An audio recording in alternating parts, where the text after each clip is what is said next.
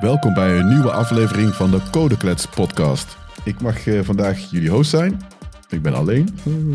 Maar ik heb wel hele toffe gasten dit keer. En ik heb een heel belangrijke mededeling. Eh, dat is ook wel iets waar ik best wel trots op ben. Of blij mee ben, zo moet ik het zeggen. Nou, de, de, aanleiding, of het heeft te maken met de voor, een van de vorige afleveringen, was met Gijs Wilbrink.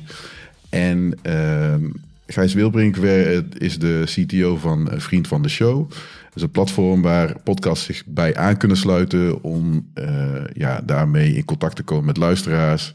Je kunt donaties ontvangen en nou, je staat op een hele leuke site. Uh, nou, dan ben je een van de, van de vele Nederlandse podcasts inmiddels. En via die weg kreeg ik in één keer een mailtje binnen dat we de eerste donateur hadden. Nou, dat was echt, echt wel tof. En ook wel van een bekende uh, van ons, van mij in ieder geval ook. Randal Pelen van Met Neus op Tafel podcast heeft gewoon een donatie gedaan. Dat was echt, ik vind het wel heel erg cool. we hebben nog niet eens reclame echt gemaakt van hey, doneer, doneer, doneer, geef geld. dus dat hebben we nog niet uh, uh, gedaan. Daar zijn wel ideeën over, want ik bedoel, ja, tuurlijk is dit een hobby, uh, maar we willen tegelijkertijd willen het ook echt wel ja, wat meer professionaliseren. We hebben echt allerlei ideeën. Nou, we hebben volgens mij wel eens een keer gezegd dat we een conferentie willen houden. maar ook samenwerken met nou, bepaalde bedrijven of zo. Dus dat, daar, daar hebben we wel allerlei leuke ideeën bij. Maar ook ja, dat willekeurige mensen ons kunnen sponsoren. Nou vind ik eigenlijk ook wel dat er wel een soort van perks aan verbonden moeten zijn. Dus dat er een soort van tegenprestatie is. Weet ik veel, stickers of dat je toegang krijgt tot exclusieve content. Of je naam wordt genoemd, zoals net met Randal in de, in de podcast. maar dat, dat, daar moeten we nog even over nadenken. Maar het is in ieder geval leuk dat de eerste donateur er is. Um, mijn gasten voor vandaag, dus laten we niet te lang bij allerlei codeklets dingen stilstaan. Maar ik heb twee gasten dit keer. De eerste gast, die kennen jullie waarschijnlijk al. dat is een gast die eerder bij Codeklets is geweest. En dat is Rogier Lommers. Welkom Rogier. Hey, dankjewel. Hey, hey, hey. Een poosje geleden was ook een leuke aflevering om op te nemen. Dus ja, dan vraag ik natuurlijk meteen weer terug. Nou, aanleiding was natuurlijk ook wel dat, dat jij met een leuk idee kwam voor, om deze podcast op te nemen. En dit, of dit onderwerp wat we vandaag gaan uh, aanraken. de andere gast, die is nieuw. Die hebben we nog nooit eerder in de Codeclass podcast gehad. Is wel lid van de Slack. Dus dat is ook wel... dus hij is niet helemaal onbekend. dat is Ivo. Ivo Toby. Welkom Ivo. Hey, dankjewel. Dank je, Simon. Ja, ik heb geen, dat heb ik hier heel netjes opgeschreven. Ik heb geen bio uh, gevraagd. Uh, dat is, soms doen we dat wel, soms niet. Daar zijn we niet heel consequent in. Uh, ik ben er ook wel eens van om gewoon te vragen van... hé, wat heb je dan gedaan en wie is je vader, wie is je moeder? En we zien wel waar, waar het schip dan strandt. Dus dan op die manier even kennis maken. Vind ik leuker, dan is het wat, wat organischer. Dan zien we wel, leren we je op die manier een beetje kennen. Dus dat mag je eigenlijk wel gaan doen. wat doe jij in het dagelijks leven, Ivo? Ik ben in het dagelijks leven webdeveloper uh, bij Triple in Alkmaar. En ik ben eigenlijk uh, in mijn eentje verantwoordelijk voor alle techniek achter esportsclub.nl. een website over e-sports. En um, ja, dat is eigenlijk mijn dagelijkse, wat ik 40 uur per week zo'n beetje doe. Oké, okay, cool.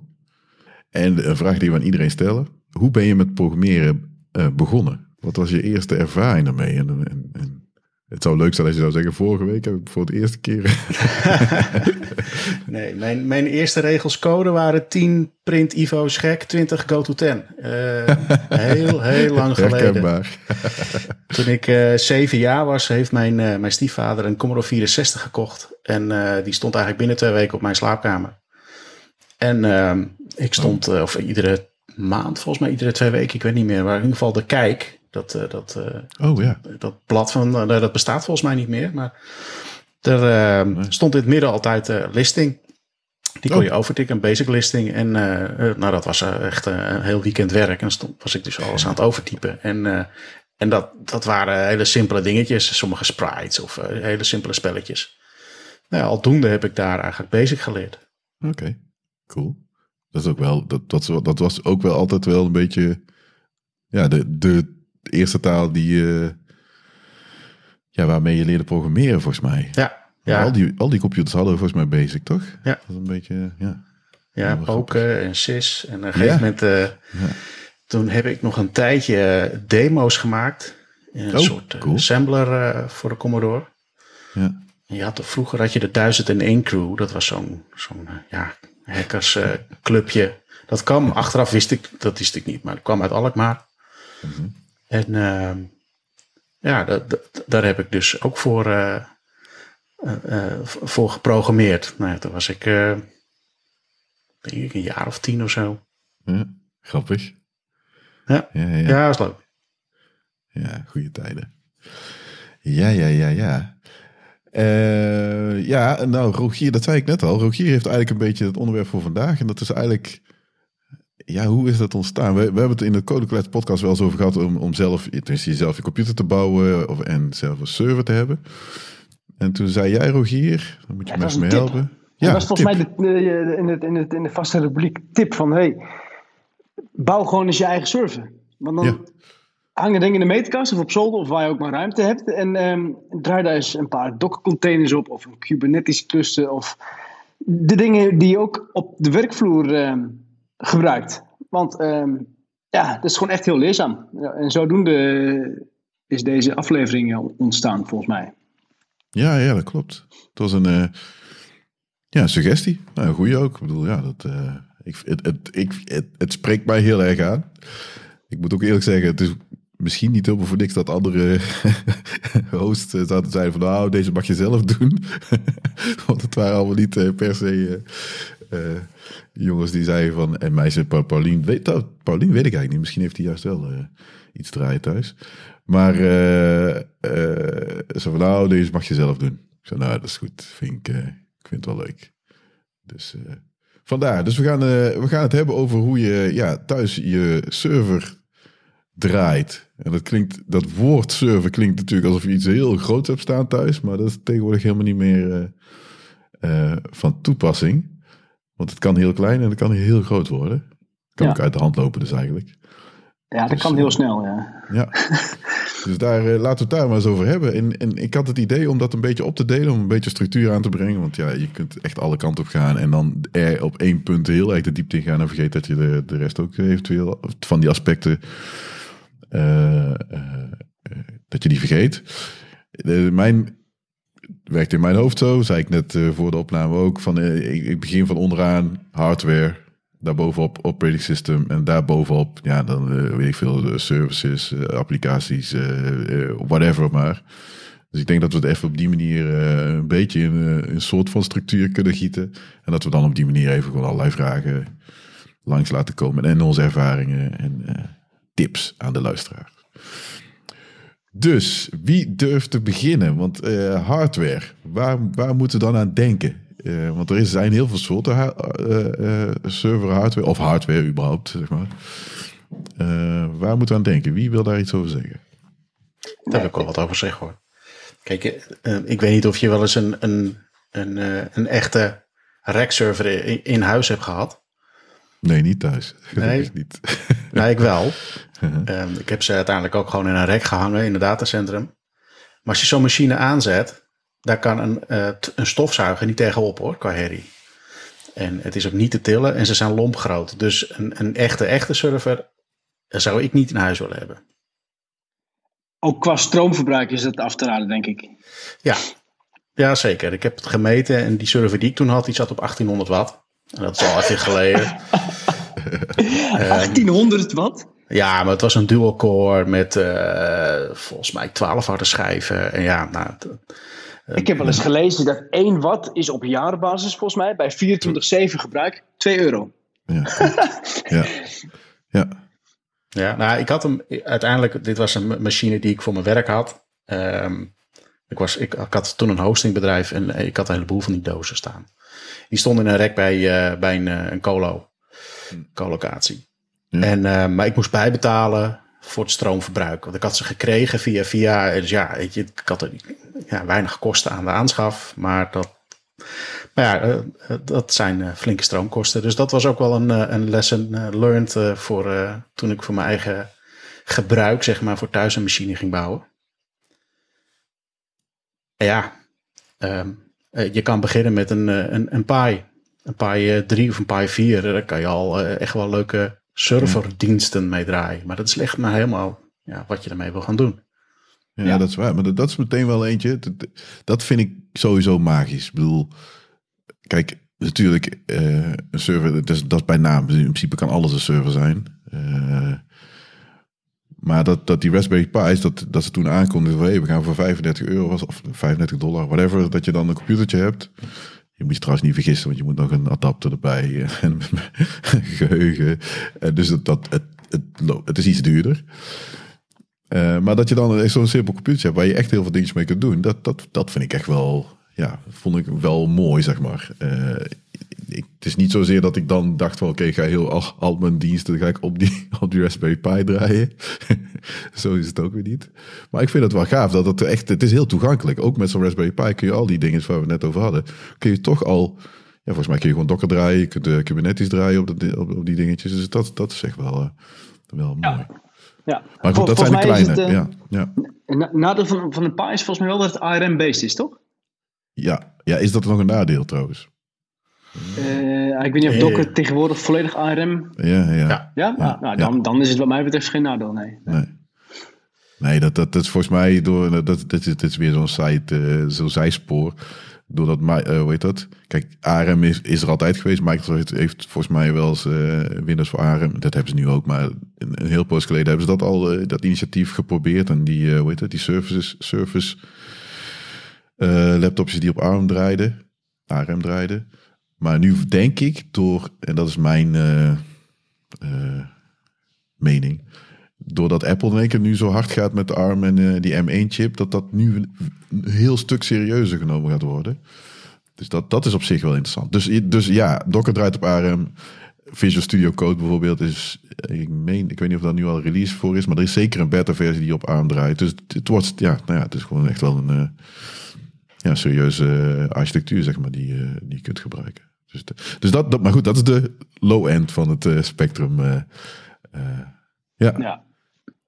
Ja, en, en, en afgedankte oude laptops zijn ook prima. Hè? Ja, ja.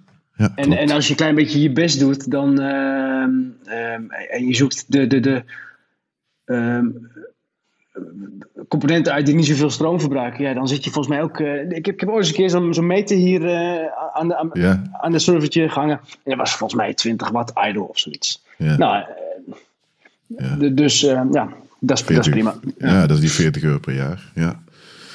Ja, dat is wel waar, ja. Maar goed, zo'n zo, zo grote zo'n een rack van 1800 watt, nee, dat heb ik niet. Uh, en, en die blaast, ik, ik, ik herken, nou goed, ik heb geen server uh, rack. Ik heb er wel eens over nagedacht. Ik dacht, ja, maar wat, wil ik nou? Bedoel, nou voor mij hoeft het niet. Uh, maar ik had, dat heeft niks met de direct service drive, maar ik heb zo'n Ubiquiti USG Pro.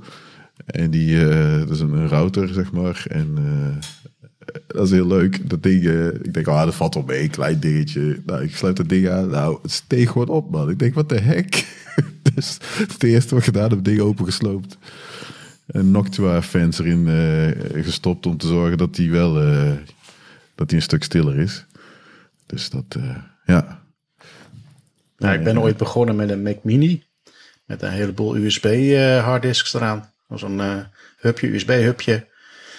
En ehm, ja, Mac Mini, die, uh, het is BSD-based. Ik ben gek op, uh, op Unix en BSD-achtige omgevingen. En ja, dat, dat heeft tijdenlang prima gedraaid. En het allereerste begin was een Pentium 2 met Windows 2000. Dat is echt al heel lang geleden.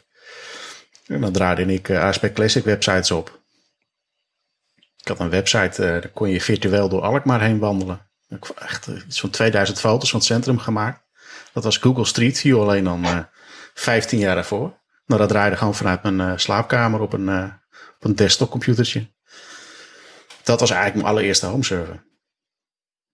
Ja, dat is wel, ja, dat, dat zijn wel, klopt, ja. Ja, nu, beginnen alle dingetjes terug te komen. het, is die, die, het is zo vaak geweest, want het, precies wat jij zegt. Ja, het is niet bij, goed, de servers die draaien, die zijn, uh, die en gedraaid heb, 95% is dat Linux geweest. Windows heb ik ook wel, weet je, dan draaide ik wel eens een Windows server omdat er een, een bepaalde applicatie was die alleen maar voor Windows was. Dan uh, gebruikte dat, of als ik een, een, een .NET applicatie wilde draaien, dat was tot, uh, weet ik veel, drie, vier jaar geleden was dat niet cross-platform. Dus dan moest je gewoon Windows hebben. Maar uh, over het algemeen draaide ik Linux. En kijk, mijn eerste, mm, ja, wat ik wel een soort van server, ja, wel server kan noemen, is ik werkte bij Ericsson en had je thuis PC's. Dat is een tijd dat je dat, ja, je kreeg gewoon een thuis PC van ja, want dan kun je thuis ook nog wat, wat oefenen met Windows. Dus dat was eigenlijk omdat iedereen in het bedrijf die kreeg die mogelijkheid. Maar ook wij, de IT'ers, dan kreeg je ook die mogelijkheid. En wij, ja, het is niet dat wij dat moesten. Je, hoefde niet te oefenen. Je was al, zeg maar, uh, je wist alles wel. Dus ik had daar, uh, ik had dat ding ook niet thuis staan. Ik had hem op mijn werk laten staan. Ik had daar Linux op gezet. en uh, Samba gedraaid. Dus ik deed gewoon doodleuk mee in het, hoe heet dat, in het SMB-netwerk. Dus het Windows-netwerk. En ik had die machine, had ik, ja, ik was heel erg Linux en ik had het MS Killer genoemd. Ding, dus als je netwerk browser zag je een machine staan met Microsoft Killer, zeg maar. En, en ik werkte dus voor Ericsson, dus op zich, ik zat, toen zat ik op de, dat was helemaal in het begin, toen zat ik op de helpdesk. En, dus ik kreeg op een gegeven moment kreeg ik een telefoontje, echt serieus van de zweet. Die kwam uit Zweden, dus dat was, ja, die kwam bij ons af en toe, kwam er een techneut, die moest helpen of zo, of uh, weet ik veel. Ik zei van, hé, hey, uh, klopt iets niet, want er staat een machine hier volgens mij in jullie netwerk, die heet MS Killer. Ik weet niet of dat de bedoeling is. nee, ik maak je maar geen, maak je geen zorgen. Ik ben het. Wat het ding, ja, en dat ding gebruikte ik dat is echt mooi. Dat weten die jongens ook allemaal toen. We hadden toen een kweekserver draaien. en we hielden daar onze standen bij, zeg maar. Dus, de, dus, dus dat speelden we één keer in. Dat was ook echt bizar. Dan hadden we twee ruimtes, want wij waren gewoon IT. Dus ja, we wisten gewoon wat wel of niet kon. En dan gingen we 8 tegen 8 gingen we Kweek spelen, Kweek 2. En hadden we één uh, server met statistiek en dat draaide ik op Linux. Dus dat was, was ja, voor mij best wel leuk om daar een beetje mee te spelen. Dus ja, dat zijn wel, wel grappige dingetjes. Maar goed, het is precies wat je zegt. Je kunt het met een laptop, het maakt niet uit. Een computer is een computer. En die software draait meestal wel. Uh, dus dat is wel, uh, wel gaaf. Uh, maar de, de, de, de, wat, wat zouden jullie nu draaien, zeg maar? Wat, wat is iets... Stel dat je nu hardware om mee te beginnen. Misschien is dat een, een, een insteek. Zeg, stel dat iemand heeft eigenlijk nooit echt zelf een server opgezet. Is, wat zou je dan zeggen van pak dat, pak een, een server van 1800 watt of zeg je eh, gebruik een, eh, een laptop of zo of whatever? Nou, als je wil investeren, dus als je er überhaupt geld aan uit wil geven. Ehm, kijk, het ligt natuurlijk helemaal aan waar je focus ligt. Hè. Um, mijn, mijn huidige machine, die heb ik opgebouwd met energieverbruik in het achterhoofd. En ik had echt heel veel storage. Ik had iets van 20 terabyte storage in mijn vorige machine. En op een gegeven moment dan realiseer je, ja, wat bewaar ik nou allemaal? Dat is helemaal niet nodig. Dus ik ben gehalveerd. Want ja, zoveel had ik niet nodig. En die schijven zijn best duur. Dus eh, ik had me gefocust op het energieverbruik. En um, ik heb toen de afweging gemaakt van, uh, je hebt van die bordjes, uh, ik weet, je kan ze nog steeds krijgen met een Atom processor erop. Die, die zit erop gesoldeerd. Dat zijn serverbordjes. Uh, echt mini of micro AITX is dat. En uh, 8 cores, 16 threads, kan je 32 tot 32 gig ECC geheugen in, uh, in kwijt. Oké, ja. Uh, ik geloof 16 SATA aansluitingen, dus je kan er ook flink wat harde schijven bij doen. Maar zo'n bordje is wel 500 euro. Oké. Dat is wel duur. Maar ja, het verbruikt, als hij echt vol staat te stampen, verbruikt hij nou 20 watt. Ja. Nou, dan komen natuurlijk de schijven nog bij en eventueel het verlies op je voeding en noem het maar op. Dus ja, als je dat doorrekent. Ik heb op een gegeven moment gekeken naar de, een, een i3 die snel genoeg is voor wat ik nodig heb. Uh, En hoe energiezuinig die is ten opzichte van die, dat serverbordje. Ja. Nou, dan had ik er zes jaar over moeten doen. Dan had ik hem terugverdiend. Dus uiteindelijk heb ik die niet gekocht. Want ik vond het prijsverschil vond ik gewoon te groot. Achteraf zou ik het alsnog hebben gedaan. Want ik, ja, ik zou dan misschien financieel niet, uh, niet beter zijn geworden. Maar um, hij is ook veel stiller. Want het is een, in principe een fanless bord. Er hoeft helemaal niks op. En, het ding staat nu naast me. Je hoort hem niet. Maar eh, ja, je hoort die fans toch wel. En dat vind ik toch wel een stukje comfort. Ja. Dus ja, zo simpel kan je beginnen. En uh, kijk naar uitbreidbaarheid. Hoe makkelijk kan je er geheugen bij prikken als je dat nodig hebt. Um, kijk vooral als je een, een echt een, er is geen laptop neemt, maar een, een, een, een PC ervoor. Kijk hoeveel SATA-aansluitingen dat ding ondersteunt. Je kan altijd natuurlijk een kaartje bij prikken op de PCI uh, met de extra SATA-aansluiting, maar dat is niet ideaal. Nee. En, ja, precies. Ja. En, en, dus, dus, dus, dus, dus eigenlijk, maar goed, als je het hebt over SATA, dan is het echt als, als de wens er is om meer uh, opslag te hebben, bijvoorbeeld. Dus als je, weet ja. ik veel, foto's, filmpjes, uh, whatever je wel wil opslaan, zeg maar, op die server, of, of tenminste storage wil hebben, dan, dan is dat belangrijk, ja. ja. ja. Hey, maar je zou, als je, als je gewoon echt nog helemaal niks hebt, je zou ook gewoon met een Raspberry Pi kunnen beginnen. Dan ben je, wat je zei, voor een paar tientjes klaar en dan gooi je er een 512 gig kaartje in. Mhm. En, en dan, dan kun je al los met je Docker en met je reverse proxy en met je. Uh, Dan kun je al los. En als het je dan echt, echt bevalt, dan. Um, ja, dan... kun je altijd nog opschalen, zeg maar. Als het ware. Ja. ja. Ja, die zuinigheid, dat, dat moet ik wel toe, dat moet ik echt wel wat.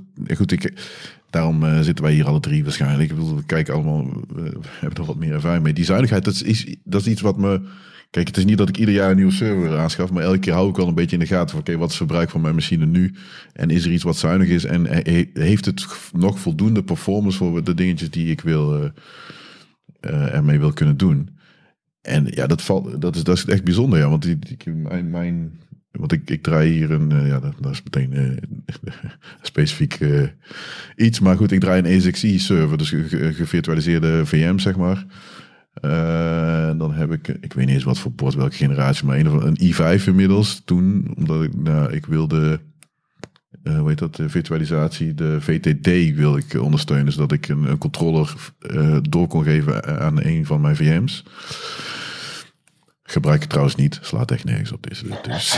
maar je kunt, je kunt het wel. Ja, maar het kan wel, ja, precies. Maar dat verbruik was zeg maar nu. En ik heb vier schijven. Dit, dit moet ik echt afkloppen, want je zult zien dat het misgaat. Ik heb schijven, vier, vier schijven. Ik heb echt niet veel. Vier, vier keer 2 terabyte in RAID 5 draaien. Via uh, Linux, zeg maar. Dus een MDA, MDADM. Uh, die dat doet voor me. Die schijven, dat zijn Samsungs F4EG's voor de kenners. Dat zijn de, de schijven die heel populair waren totdat de tsunami zeg maar kwam. Want toen gingen die prijzen denken. Want dat ding, uh, die schijven waren per stuk waren toen, ik meen, tegen de 60 euro. Dat was een beetje de sweet spot op dat moment. Ja, daarna werden ze veel duurder. En, en die prijs is denk ik pas sinds twee of drie jaar per uh, terabyte is, dat, heeft, is pas twee, twee, drie jaar geleden weer dat we op, zeg maar, op datzelfde niveau uh, zitten. En ik had altijd zoiets van, oké, ik ga echt geen schijf kopen totdat ik weer per terabyte zoveel hoef te betalen. Maar goed, hoe langer schijven draaien, hoe groter de kans wordt dat ze kapot gaan. Maar die dingen die draaien dus nu al een jaar of elf. Dus, dus niet elf? Elf jaar, 24-7.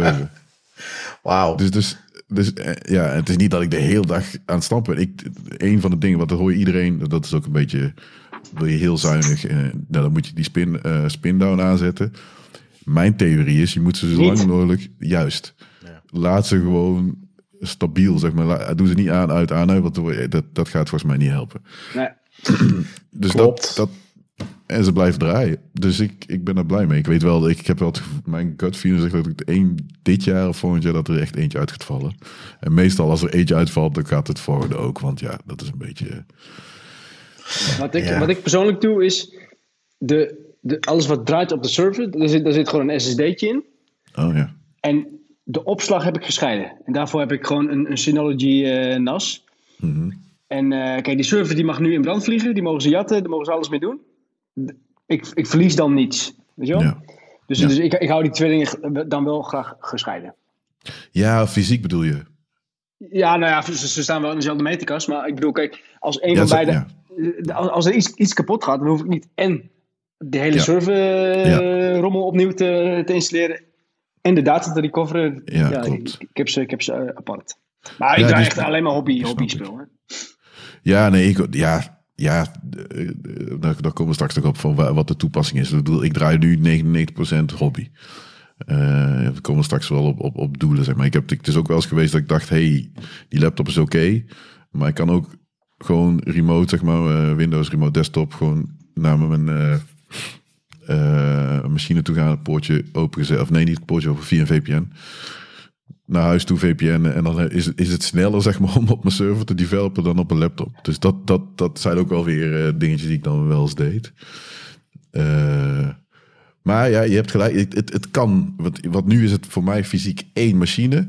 Er zijn SSD's zeg maar voor de VM's, want die hebben hun eigen storage. Dus dat, dat is wel, uh, ja, die hebben, dat, dat is allemaal SSD. Alleen dus de, de, de storage, die, de, ja, niet cold storage, maar de, die, de, de lange termijn spullen, zeg maar, die staan op die, uh, op die harde schijven.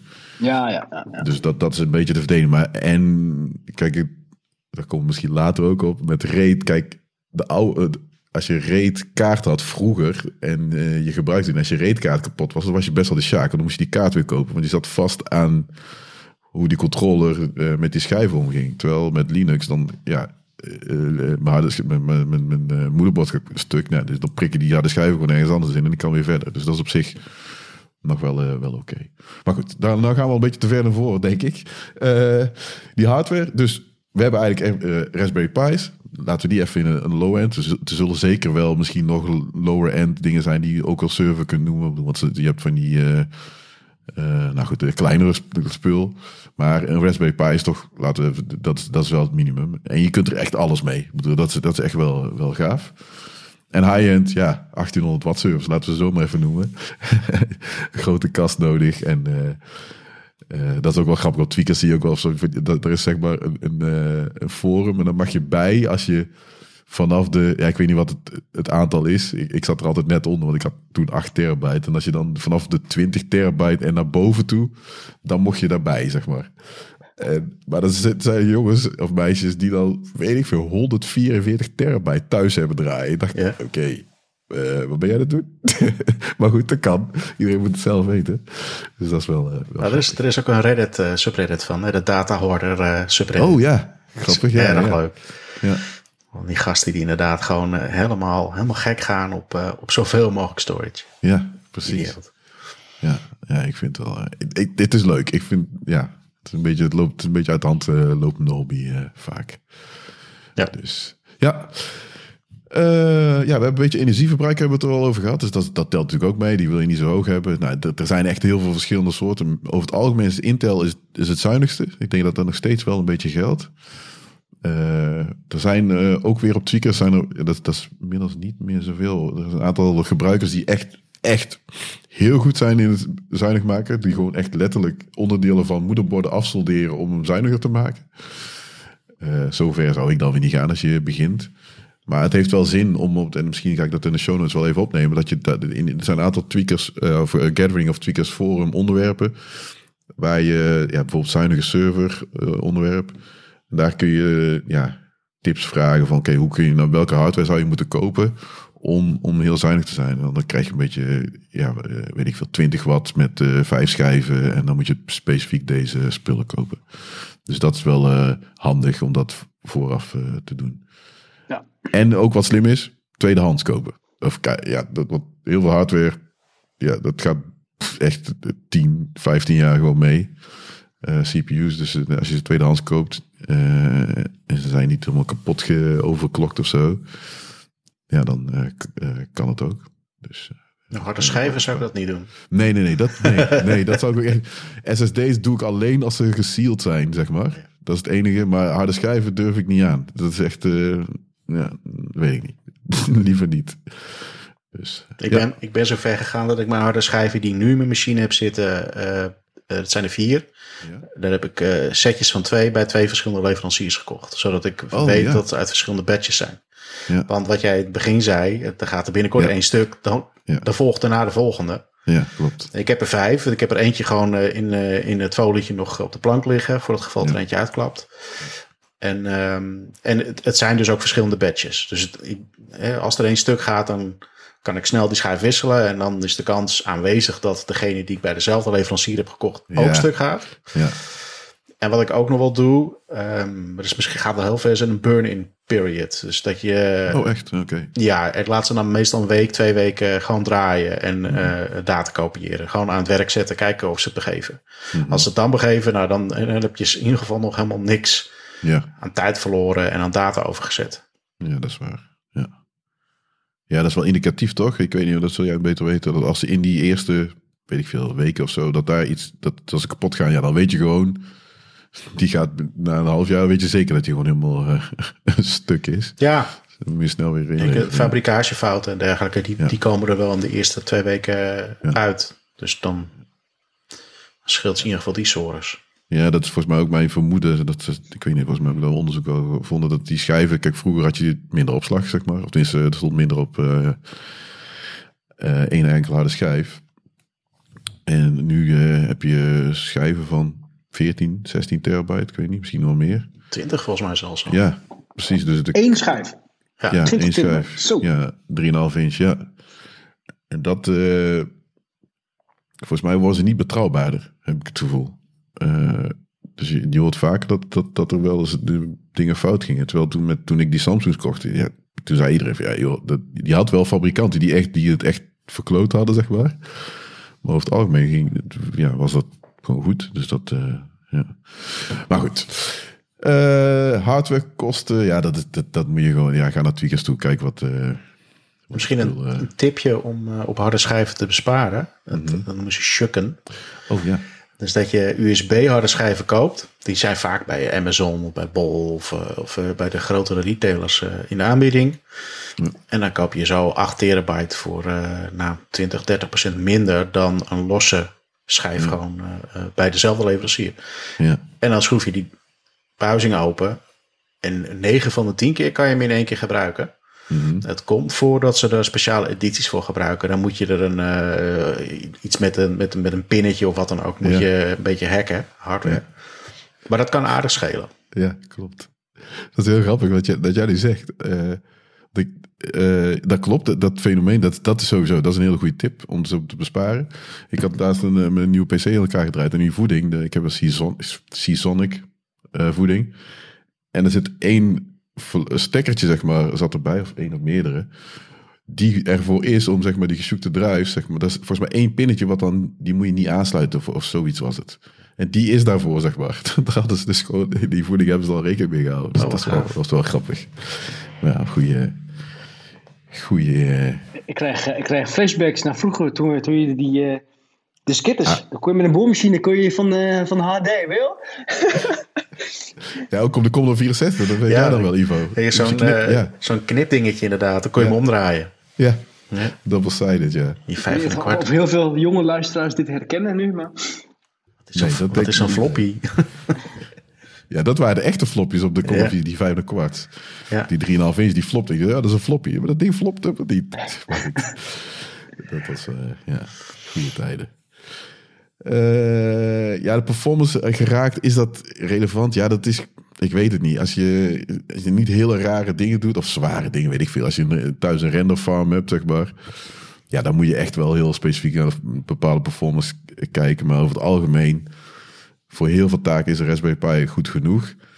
Ja, dan, dan, en, soms een, een, beetje Intel, zeg maar, of een beetje AMD is al echt wel ja, 80% of 90% van de tijd is dat echt wel uh, afdoende. Uh, we kwamen ook, uh, misschien moet het dan, nou goed, de hardware, dus dat, dat is wel een beetje besproken, denk ik. De, wat doen we er bovenop? De operating systems. Daar hebben we best wel wat smaken van. Je zei net al een beetje, uh, Ivo, dat je voorkeur had voor BSD's, volgens mij, toch? Ja. En dat is een van de operating systems, maar goed, vertel. Ja, ehm, dat komt eigenlijk omdat ik eigenlijk voordat ik met Linux aan de gang ben gegaan, dat is echt al heel lang geleden, was ik al met freebies die geconfronteerd. En um, ik heb wel gewoon als desktop-omgeving heel lang op Linux gewerkt. Allemaal verschillende smaakjes. Maar eigenlijk op al mijn servers en ook productiemachines van mijn werk. Al het liefst freebies die gedraaid. Omdat het, ja, het is, het is, het geeft een beetje een soort van uh, gevoel alsof je een granieten systeem hebt. Het is rock solid, super stabiel, veilig. En ik heb serieus een keer een server uit het rek gehaald. Die had een uptime van 1700 dagen. Mhm. En de, enige keer dat ik hem heb moeten rebooten in al die tijd uh, dat hij in het rek heb gehangen. En dat was dus 17 dagen voordat ik hem eruit uh, zeg maar, gedecommissioned heb, heb ik uh, geheugen bijgeprikt. Mhm. En, en, ja, dat ding draaide jails. Dus een heleboel applicaties in, in een soort ja, beschermde geheugenomgeving. Dus ja. dat is ook een soort virtualisatie. Ja, en het tufte door. En ja, af en toe moet je een, een jail upgraden. Maar het host systeem, ja, dat stond verder niet open naar de rest van de wereld. Dus ik heb dat in de tussentijd nooit hoeven upgraden. Dus ook geen reboots gehad, niks. Nee. En, um, dus ik, en voor mijn home server heb ik in eerste instantie, toen ik mijn eerste, hè, na die, die Mac Mini die ik had, heb ik een, een, een zelfgebouwde machine, gewoon een desktopmachine omgebouwd. heb ik PC BSD gebruikt. Dat is eigenlijk FreeBSD uh, à la Ubuntu. Een beetje mhm. makkelijk met een mooie grafische installer en een grafische desktop. Echt een, zo'n, dat was dan GNOME 2 nog. Oh, en ehm, die had als ZFS ondersteuning. ZFS is al heel oud natuurlijk, maar die had ZFS ondersteuning. Dus dat was eigenlijk mijn eerste home server. En na verloop van tijd kwam ik erachter dat er ook nog zoiets als uh, FreeNAS bestond. Ja. Ehm, en omdat ik die machine eigenlijk ja, toch voornamelijk headless gebruikte, denk nou ja, daar kan ik net zo goed overstappen. Ja. En dat is eigenlijk ook FreeBSD, alleen dan met een, een, een web ja, schilletje eromheen. Maar je zegt, je zegt nu eigenlijk, kijk, het operating system is FreeBSD. Ja. Of FreeBSD. Ik zeg, dit is heel stom dat ik altijd FreeBSD zeg, maar het maakt niet uit. uh, en je zei ZFS, dat is een uh, goede om stil bij te staan, want het is ja, een, een bepaald filesysteem. En daarna FreeNAS. Uh, ZFS is iets ja, misschien de luisteraars die zullen het niet kennen, maar wat is ZFS? ZFS staat voor Zettabyte File System. Um, en um, ja, het is eigenlijk een, een filesysteem uh, en een volume manager in één. Dus je, um, normaal op een, een Windows-omgeving maak je een, een, C-disk aan, die formateer je met NTFS. Nou, dan heb je hem dus gepartitioneerd en geformateerd in een bepaald filesysteem. ZFS doet dat allemaal voor je. En daarnaast um, kan je ZFS, um, net zoals RAID, over meerdere, dus een dataset over meerdere harde schijven heen gooien. Ja. En dat is pooled storage noemen ze dat. En ZFS, um, daar past, het is 128 bit. Mhm. Dus daar kan uh, eh, 256 quadrillion zettabytes en storage kan je erop kwijt, maximaal. De, de, een van de creators die heeft ooit eens gezegd: uh, uh, fully populating a 128-bit storage pool would literally require more energy than boiling all the oceans. en um, de grootste file size is 16 exabyte. Dus dat is 16.000 petabyte. Oké. ja. En dat is zeg maar, dat, dat zijn echt getallen, nou, mindblowing. Ja, precies. Um, maar dat ik voor ZFS heb gekozen is eigenlijk omdat um, een RAID, klassieke RAID, geeft een, een, een, eigenlijk een beetje een vals gevoel van veiligheid. Want er zit best wel een fout um, in het RAID systeem. En dat heet de, de, de write hole. En Um, wat kan gebeuren is dat op het moment dat jouw systeem aan het schrijven is en hij valt uit of hij crasht, dat hij nog niet de parity heeft kunnen schrijven of bezig was met het schrijven van de parity. En dat heb je niet door. Ja. RAID controleert dat ook niet. Dus er zit ergens in jouw parity zit een, ja, een fout. Ja. En stel dat nou een harde schijf eruit klapt en je gaat dus vanuit je parity systeem rebuilden, dan is, zit, zit er dus ergens iets corrupts. Nou, dat, mhm ik, ik had dat gelezen en ik, een collega die wees me op eh, ZFS. En uh, toen ben ik dat gaan bekijken. En het is super flexibel en, en een stuk veiliger. Ja, ja precies. Dat het er zelfs uh, beveiligd tegen, wat is het? Ze hebben rekening gehouden zelfs met, uh, hoe heet het, als de zon wat meer elektromagnetische straling uitstuurt, dan kun je wat, wat storingen krijgen, bitjes kunnen omvallen, even simpel gezegd. Uh, daar hebben ze zelfs rekening mee gehouden. En, en er wordt volgens mij ook geadviseerd om het met ECC-geheugen te draaien. Ja, klopt. Uh, Doe ik overigens niet. Ik vond het te duur. Ja. Dus dat is wel, uh, ja, wel, wel, grappig. Ja, oké. maar dat en, en FreeNAS, wat ik dan weet, is dat die gebruikt ZFS, zeg maar, ja. als systeem. Ja, ja, FreeNAS is eigenlijk niet meer dan FreeBSD met een, uh, een webschilletje. En FreeBSD heeft standaard uh, ondersteuning voor, uh, voor ZFS. Inmiddels ook alle Linux smaakjes hoor, maar... ja, dat ja, dat klopt. Ja. ja. dat is die licentie van Oracle die een beetje dwars zit. Ja. Volgens mij. Ja, irritant. Oracle heeft ooit Sun overgekocht. Oracle is Oracle. Oracle always being Oracle. En ja, zullen die licentie hebben ze niet aangepast. Maar goed, oké. Okay. Uh, eens even kijken. Maar dat is een van de, de mogelijkheden, dus FreeBSD. En, en, en jij, Rogier, wat, wat, wat is jouw go-to operating system als jij je, je server draait? Voor thuis heb ik gewoon Ubuntu. Oké. Okay. Ja, ik, uh, enige wat ik doe is dus um, de installatie van Ubuntu op die SSD die erin zit. Ja.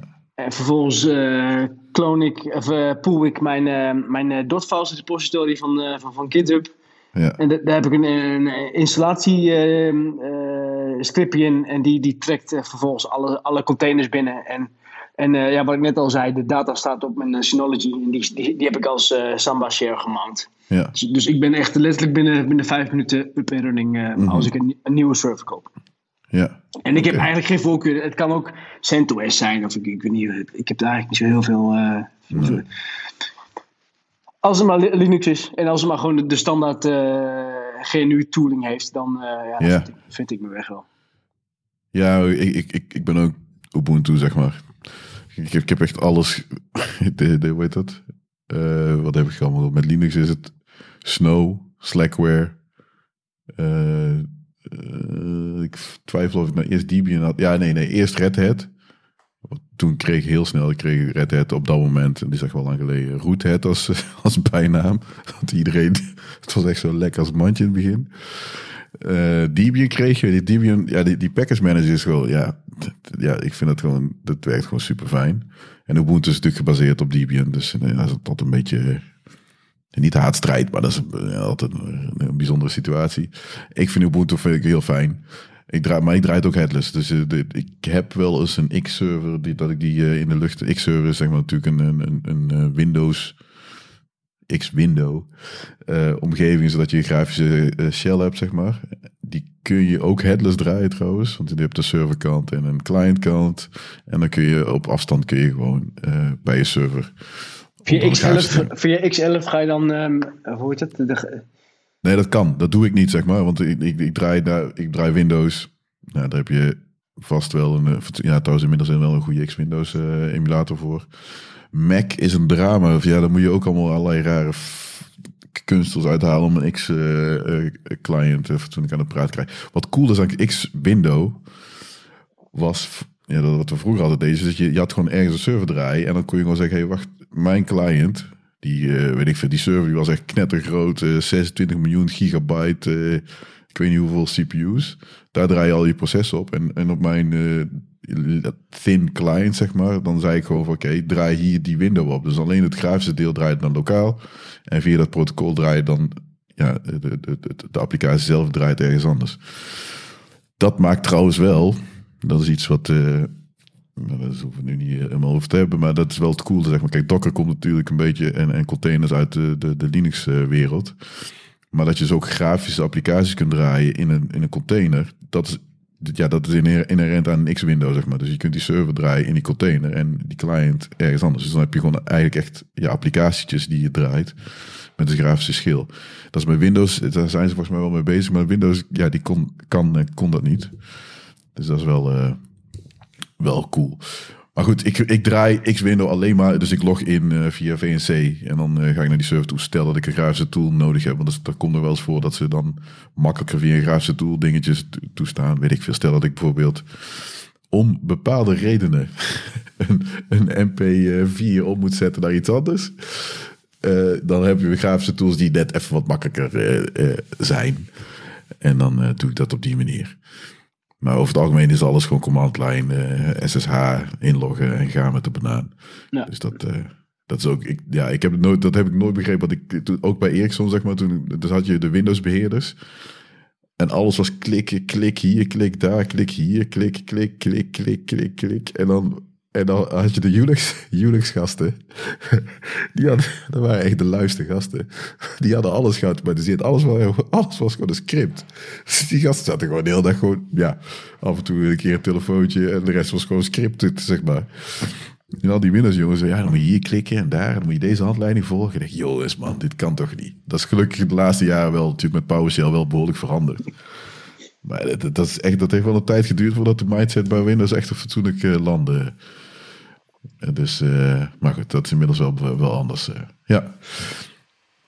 Ik zie, nog, staan, ik zie nog networking staan. Ik ben ooit begonnen met um, uh, gewoon een home servertje met twee netwerkkaartjes erin. En ook gewoon zelf via IP-tables mijn eigen oh, router gemaakt. en dat werkt prima. Ja. Maar eh, als er dan uh, gezeik is, dan is het ook wel echt gezeik. ja, ja. Als het gezeik binnen je gezin is het gezeik, want niemand heeft internet. En, nee, eh, klopt, en, ja. en, gezeik om het uh, gefixt te krijgen. Want ja, Google maar eens zonder internet. Ja. Oh ja. dus ik ben daarvan afgestapt. ik heb gewoon nu een Fritzbox.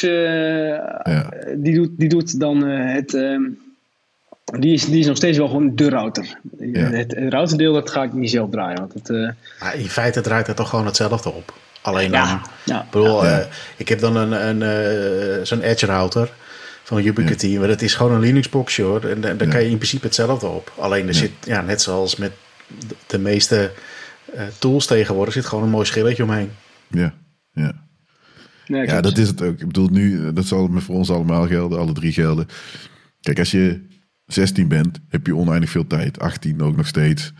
En ergens komt er, ja, een, een, vriendinnetje, een vrouw en een gezin komt er om de hoek te kijken. En dan heb je en minder tijd. En je moet ook zorgen dat dingen die je draait, die is, het is wel handig als ze wat stabieler zijn.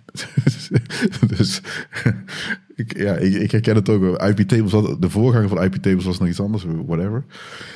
En ik heb dat ook echt gedraaid. Ik dacht dat, wow, vet. Toen had ik At Home, volgens mij, de voorloper van uh, Ziggo. En ik dacht, hé, hey, waarom loopt mijn internet zo langzaam? En dat bleek die CPU, die, ik had, of ik had weer routing verkeerd gedaan of zo. Maar die CPU die trok het gewoon niet. En ik dacht, die machine is gewoon snel genoeg. Dus dat ding eruit gesloopt en mijn internet was weer uh, een paar keer sneller. Ik denk, ah, oké, dat ga ik even niet meer doen. Maar het is hetzelfde als wat, wat Ivo zegt. Ik gewoon uh, Ubiquiti uh, router en laat die zijn werk maar gewoon doen. Uh, ja, je, kunt, je hebt gewoon niet, niet de tijd mee. Je kunt overal wel in gaan verdiepen. Maar ja, dat, dat, je moet wel kiezen, zeg maar. Ik, ik, vind, ik snap echt wel dat, dat voor sommige mensen, bijvoorbeeld mensen die echt gewoon in netwerking heel sterk zijn, dat ze daar juist veel tijd in steken. Maar voor mij vanuit development is het ja, eigenlijk nauwelijks nodig. Het is wel handig om het begrip te hebben. Dus dat, dat vind ik, de, daar, daar hebben we natuurlijk sowieso, dat is de, de rode draad. Het is handig om een keer mee gespeeld te hebben, om te weten van waar heb ik mee te maken. Wat ik ook belangrijk vind, en dat geldt eigenlijk ook andersom hoor, is dat als je als developer, stel dat je met uh, beheerder, ja, een IT-beheerder, dat klinkt heel. Iemand die over netwerking gaat, over het operating system, hosting, et cetera. Dat je niet het gevoel krijgt van, oké, die jongen die zit gewoon, die verkoopt, of, of meisje, die zit me gewoon onzin te verkopen. Weet je, en dat je een soort van mee kunt denken. Dus het betekent niet dat jij gespecialiseerd bent in, in uh, netwerking. Dus uh, dat geldt voor mij. Maar dat je wel mee kunt praten. En dat je wel de concepten snapt. En begrijpt waarom het niet handig is. Hoe jij je applicatie op hebt gezet. Want hè, dan heb je security is een, een, drama. Of weet je, dat, soort dingetjes. Dus dat is sowieso handig. En in een, in een thuisomgeving kun je al dat soort dingetjes raak je dan. En die kun je meenemen. Ik, ik, ik heb echt, ja, in mijn vorige opdrachtgever is het echt een jongen die gewoon thuis het gewoon uitgeprobeerd heeft. Gewoon naar zijn werk gekomen is. Zeg, ja, luister, we kunnen deze monitoring kunnen we zo en zo en zo opzetten. En dan werkt het gewoon. En dan is dat gewoon puur, ja, niet, niet uit frustratie, maar je denkt van oké, je weet hoe dat gaat. Een project opzetten in je, op je werk, ja, dan moet je tijd krijgen, et cetera, et cetera. Terwijl in je thuisomgeving, ja, ja, dat is gewoon je eigen tijd. Nou, is die, kijk, er is wel iets voor te zeggen, omdat dat moet je niet altijd doen, zeg maar. Maar als je die kennis dan mee kunt nemen, waardoor je in één keer veel meer gedaan krijgt op je werk en je komt veel verder, dat is op zich gewoon ook al winst. Dat maakt je leven wel wat makkelijker. Uh, dat betekent niet dat je gewoon al die tijd, hè, dit moet je niet structureel doen. Even eh, dat af en toe dat je denkt, nou oké, ik maak me even boos. Ik zoek dit keer thuis uit, want ik heb de omgeving, want ik heb die server staan. En, en nou, dat, dat is op zich wel tof. En dan kun je samen, zeg maar, als, als developer, uh, samen met uh, netwerkbeheerders of dat, dat, dat uitdenken, zeg maar, het concept. Dus dat is wel, wel cool.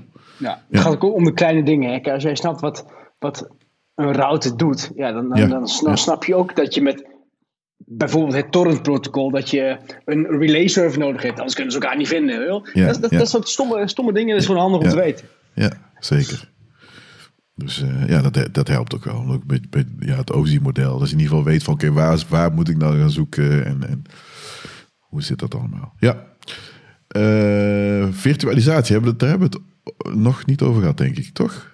Een beetje eventjes geraakt. Ja, ik heb even wat geroepen, maar we hebben er nog niet. En jij ook? Nee. Uh, ja, het is nog niet echt.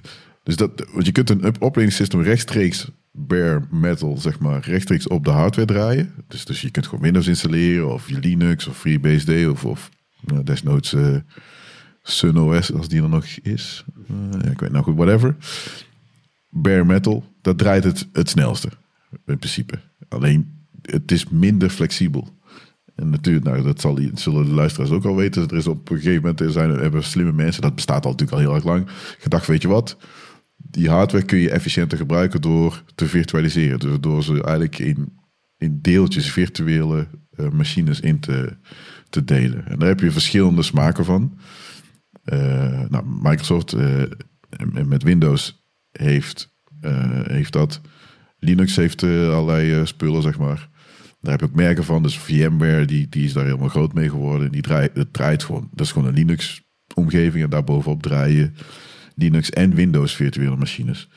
Maar dat is voor thuis ook wel interessant, want dan kun je gewoon in je voorheen, als je niet virtualiseert, heb je gewoon één Windows of Linux machine. Die heeft gewoon ja, één of twee taken en dat, dat is het. En als je bijvoorbeeld, het kwam er nog, zeker bij Windows, kwam nog wel eens voor dat als jij iets installeerde, dat je een andere applicatie daarmee kapot maakte.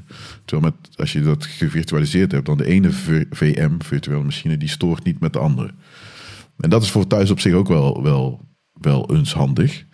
Uh, ja, je hebt natuurlijk uh, Docker ook, maar daar komen we later nog wel even op. Uh, hebben je daar ervaring mee? Doen jullie dat? Of hebben je daar voor thuis, vind je dat niet interessant? Of niet interessant, gebruik je dat niet? Nou, ik, ik gebruik dus Jails op ja. FreeBSD. Ja. Um, en dat zijn ook een soort virtuele machines. Hè, dat noemen ze dan OS-level virtualisatie. Ja. Um, het verschil met de, de normale uh, virtualisatie is dat de kernels, de, je draait op dezelfde kernel. Ja. Uh, nadeel en ook gelijk het voordeel is dat je dus geen resources kan toewijzen. Je kan niet zeggen, deze virtuele instantie mag 500 MB geheugen gebruiken. En één core, dat kan niet. Mm Voordeel is dat je daar dus ook geen reserveringen hebt. Want ik heb serieus iets van 25 jails op mijn home server draaien. Nou, dat, als je dat met uh, virtual machines wil doen, dan moet je wel flink wat geheugen hebben. Ja. Dus de overhead die je normaal in je virtuele machines hebt staan. want eh, een, beetje knappe Linux-omgeving eh, met wat tooltjes, die heeft toch echt wel een gigaheugen nodig. Ja. Nou, die overhead heb ik niet. En het is bij FreeBSD ook wel gebruikelijk dat je als je een, uh, iets wilt draaien, vooral echt services, dat je dat in een jail doet. Ja, oké. Dus dat is wat gebruikt. Maar daarbovenop kan ik, en dat, dat komt omdat niet alles op FreeBSD draait, heb ik ook uh, echt een klassieke virtualisatie. Dat heet een Beehive. Dat is niet zo heel oh bekend. Ja. Um, en ik heb bijvoorbeeld een, uh, een, een, virtualisatie van, uh, van WireGuard, VPN. Mm -hmm. Is zo'n VPN-dienst afgenomen ergens. Het kost me dan, weet ik veel, een paar, paar euro per maand. Die staat altijd aan. En heb ik mijn netwerk zo ingericht dat, dat er is één SSD, ID in huis. Die heet dan, uh, mijn SSD heet Wouter de Router, vond ik grappig. Nou, die heet dan Wouter de Router streepje VPN. Als je die connect, dan pakt hij eigenlijk als gateway die virtuele machine met WireGuard. En op die manier kom ik oh, ergens anders uit. Cool. En nou ja, dat kan dus niet standaard, of dat kan vast wel, maar het lukte mij niet om dat in een jail aan de praat te krijgen. Want dan moet je met netwerken gaan klooien in jails en dat is me echt een brug te ver. Ja. Dus ik heb dat gewoon in, uh, in Beehive in een VM'tje met 500 MB draaien. Ja. Oké, cool. En jij Rogier? Ik, ja, vroeger heb ik wel, um, had ik een, um, hoe heet dat ook weer, een um, ESX, wat jij net zei, zo van, van, van VMware is dat. Uh, ja, ja. Maar uh, ja, in, in de praktijk had ik daar één Ubuntu server op draaien. dus ja, ja, En, en, en eentje omdat het kon, maar dus ja. nee, dus ik zit nu gewoon. Uh, de host is Ubuntu en ik heb een aantal containers en that's it.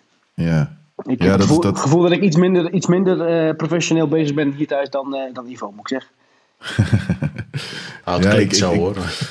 ASXI is echt, echt full blown. Uh, het is in principe, want je hebt virtualisatie. Ik, ik ben even de naam vergeten. Je hebt twee verschillende soorten. Je hebt een hypervisor die draait. Dat is echt ja, bare, of het, het laagste niveau volgens mij.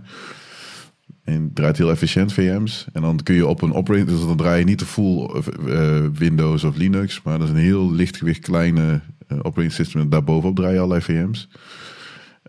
Dat is een hypervisor. En ja, je kunt natuurlijk bijvoorbeeld, stel dat jij gewoon een MacBook hebt, dan kun je met Parallels of VMware Fusion kun je dan bijvoorbeeld Windows draaien of, of Linux of whatever. Dus dat is gewoon het andere type virtualisatie. Uh, werkt op zich ook goed. Dat heb je op Windows ook. En op uh, FreeBSD, dus wat jij net ook zegt. Uh, ik zit er zelf over naar met ASXi. Dit draait op zich goed. Ik bedoel, het hartstikke stabiel. Ik kan alles er tegenaan knallen. Alleen dat is het, de, de versie die je, je hebt gewoon een gratis versie die je thuis kunt draaien in je home lab, zo noemen ze dat meestal. Er zitten wel wat beperkingen aan, maar daar loop ik niet tegenaan in de praktijk. je hebt ook Proxmox, dat is open source.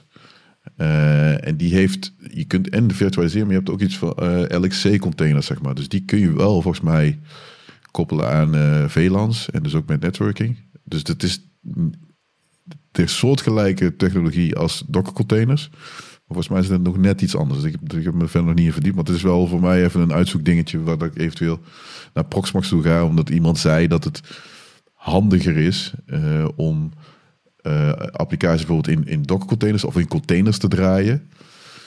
Uh, of zuiniger ook, dan dat je iedere keer een hele VM hebt en dan daar één of twee applicaties op draaien. Dat is gewoon, ja, dat is gewoon, min, is gewoon minder zuinig. Ja, ja. Uh, dus daar zit ik nog even naar te kijken om dat te doen. En je hebt het voordeel dat Proxmox volgens mij out of the box ook ZFS ondersteunt. En dus dat wil ik ook uiteindelijk uh, daar naartoe. Dus, dat, uh, dus het zijn allemaal dingetjes die ja, wel cool zijn. En dan kun je gewoon spelen. Je kunt gewoon eens een keer een container of een VM opspinnen. Even spelen en gooi je dat ding weer weg. Dus dat, dat heb ik ook al vaker gedaan. Uh, ik heb ook, dat, is, dat, dat is weer iets wat voor, later misschien, de, de, GitLab zeg maar. Dus die, die, de, de GitHub alternatief of concurrent. Die kun je, kun je thuis draaien. Dat is super tof. Dat is ook heel leerzaam trouwens. En als je het beu bent om een of andere reden, gooi je het weg en er is niks aan de hand en je machine blijft draaien. Dat is trouwens wel iets wat ik, ik heb een tik. Ik wil eigenlijk machines eigenlijk nooit rebooten of uitzetten. Soms moet je. Dus ik heb wel een uh, eh, UPS aanhangen, zeg maar. Een uninterruptible, een uninterruptible power supply. Dus als er stroom uitvalt, blijft het ding uh, netjes draaien. Uh, tenminste voor een tijd natuurlijk. Tot stroom weer terug is. Uh, maar, uh, dus ik had een up, het laatst, weet ik, ik weet niet, ESXi versie nog wat. Die, die draaide al echt drie jaar of zo. Niet gereboot. Ik denk, nou mooi. Dus ik, ik logde in, deed een uptime met het commando. En dan zie je, ja, het is uh, drie, of nee, zoveel dagen, weet ik veel allemaal. Ik denk, wow, vet. Toen dacht ik, shit, ik wil echt, ik wil die upgrade. Maar er zaten allemaal security patches in. Ik denk, nou, ik, laat ik dat maar wel doen, zeg maar. Maar dat vind ik wel, dat heb ik wel jeuk over, zeg maar. Je wil dat ding gewoon laten draaien, maar dat, dat, dat is niet verstandig. Dus dat, ja, de dingen die draaien echt super, super stabiel. Dat is echt, ja, het gaat in principe niet uit. Tuurlijk, is het is ook niet dat ik enorme lood op die dingen loslaat, maar uh, ja, die, die, software is echt wel. Uh, maar bij, ja, bij virtualisatie, als je dan, uh, stel je hebt een van de, nou, je, je wil een RSS aggregator wil je draaien en die heeft een Postgres instantie nodig. Ja. Dan heb je dus al twee virtuele machines? Of nee, nee, nee, nee, dat hoeft niet. Nee, nee, dat, dat, dat, dat kan. Ja, ja. Ik, dan, hoe, hoe, ligt die trade-off dan? Hoe, uh... Nou ja, je kunt zeggen... Sorry? Ik doe het juist vaak wel. Kijk, met Jails doe je dat sowieso, maar ook met gewone virtualisatie probeer ik dat wel te doen. Want het komt toch wel vaak voor. Ik denk, oh wacht, uh, in, in Postgres dan niet zo vaak, maar vooral MySQL. Ja. Oh, weet je, de, deze dienst die heeft ook MySQL nodig. Ja, ja. Vind ik, ik vind het zinloos om in twee VM's twee MySQL instances te gaan draaien. Klopt. En, eh, dus ik ben wel snel geneigd om dat te gaan splitsen. Um, maar goed. Maar dan heb je continu die, de, de overhead van, van de virtualisatie. Ja, maar daarom vind ik de FreeNAS uh, en die Jails oplossing zo fijn. Want dan heb je die overhead niet. Nee.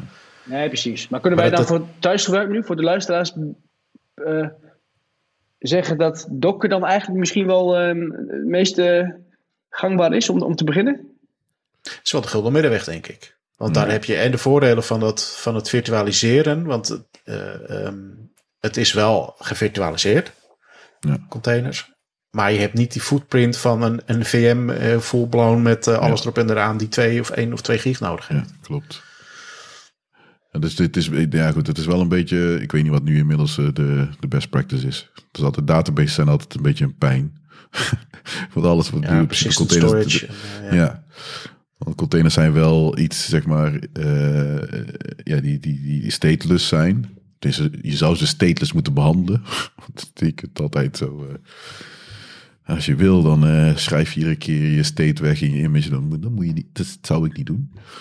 Maar in principe, databases zijn altijd een beetje vreemde eend in de bijt. Dus die kun je gewoon natuurlijk wel in containers draaien. Maar dan moet je dus wel één plek hebben waar je die storage, zeg maar. Uh, dus de databestanden, zeg maar, waar de, ja, waar de data echt weggeschreven wordt. Die moet je los van je container draaien. Dus dat kan. Uh, maar goed, er zijn heel veel redenen. Ik bedoel, je kunt, je kunt zeggen van nou weet je wat, ik, ik ga per VM een functie. Dus je zegt van oké, ik heb een database VM en dat draai je dus Postgres en misschien MySQL. En dat, die functie heeft het en dat is het, zeg maar. En sommige mensen zeggen nee, ik wil VM's uh, rond eh, functionaliteit organiseren. Zeg van oké, ik heb hier een, nou, een Git-server, dat is VM1. Ik heb een mailserver, VM2. En ook al heeft VM2 een SQL, MySQL, dan draai je die dubbel. Nou, dat is iets voor te zeggen. Want nou goed, stel dat dus die ene uh, MySQL corrupt raakt of kapot gaat, dan gaat die andere functie, die, die, die raak je dan weer niet, zeg maar. Dus er zijn zoveel smaken en manieren, zeg maar, om dat op te zetten. Uh, VM's zijn zwaarder. Het is wel makkelijker te bevatten dan containers, denk ik. Je hebt gewoon eigenlijk gewoon een, een, een, een, een virtuele machine die het gewoon eigenlijk nou, voor 95% hetzelfde als je, je fysieke server. Dus dat zullen mensen makkelijker begrijpen. Containers draaien lichter. En, uh, en, ja, ik denk dat in deze tijd steeds meer mensen dat concept ook al veel, heel goed begrijpen.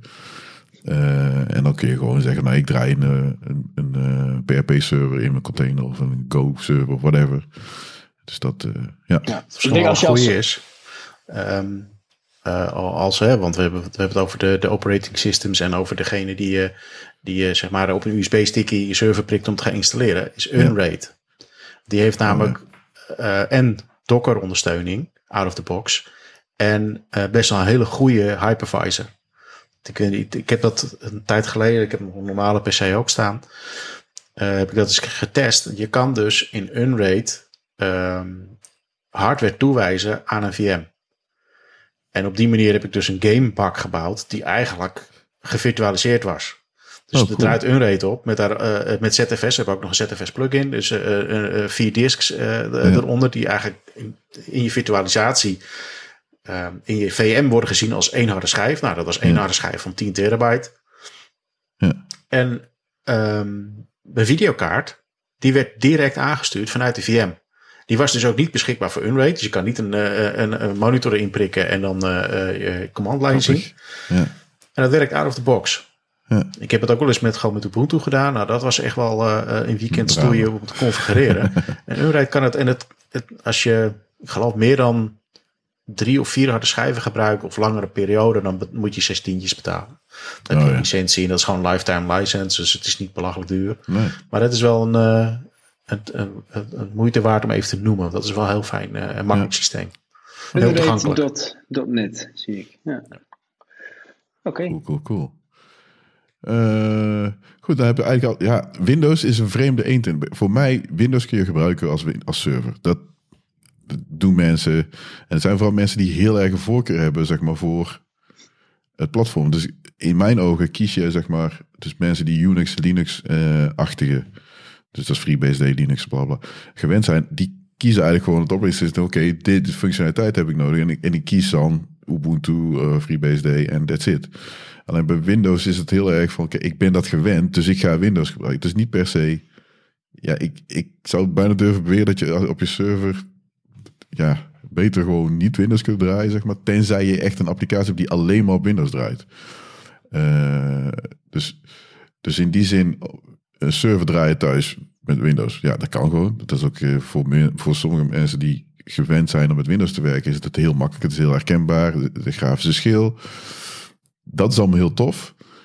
Uh, maar ik, ik, ik, ik neig er altijd naar van ja, draai zo min mogelijk op een server. Doe, laat die server alleen maar servertaken doen. Ga niet allemaal rare grafische onzin draaien en zo. Laat dat weg. Dat is ook net als dat, dat startmenu van, uh, wat is het? Niet Windows XP, maar Windows nou, whatever, die, die hele grote, zeg maar, met die panelen. Windows 8. 8 volgens mij, ja.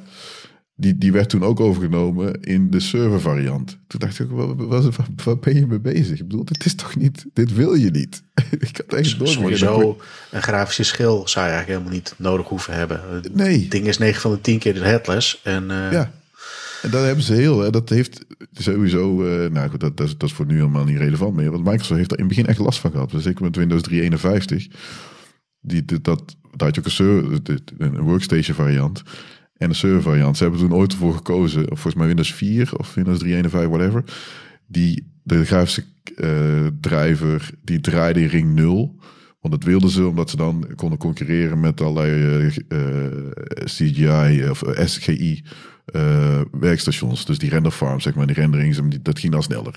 Maar het klote was, die drivers waren soms gewoon niet zo heel stabiel. Dus heel je server trok je gewoon soms gewoon kapot, omdat je grafische kaart en drivers niet stabiel waren. Ik denk, dat, dat kan niet. Dat, moet je niet hebben. Dat ding moet gewoon altijd door blijven kachelen, ook al ondanks dat er geen, geen grafisch ding aan, uh, aan hangt. Dus dat zijn maar goed, die keuze die die architectuur bedoelt, dat vinden ze echt niks mis mee. Verder ook qua architectuur, het ziet al super goed in elkaar. Het heeft natuurlijk altijd een beetje een slechte naam. Alleen dat die grafische shell, denkt van ja, haal die eraf. Dat kan inmiddels wel. Hè. Bedoel, nu kun je gewoon uh, ook ja, headless uh, Linux draaien. Dan, of Windows draaien. Ik moet goed zeggen, dan met PowerShell kun je alles beheren. Inmiddels kun je ook OpenSSH draaien. Een SSH-server die dat, en dan gewoon SSH naar Windows doos.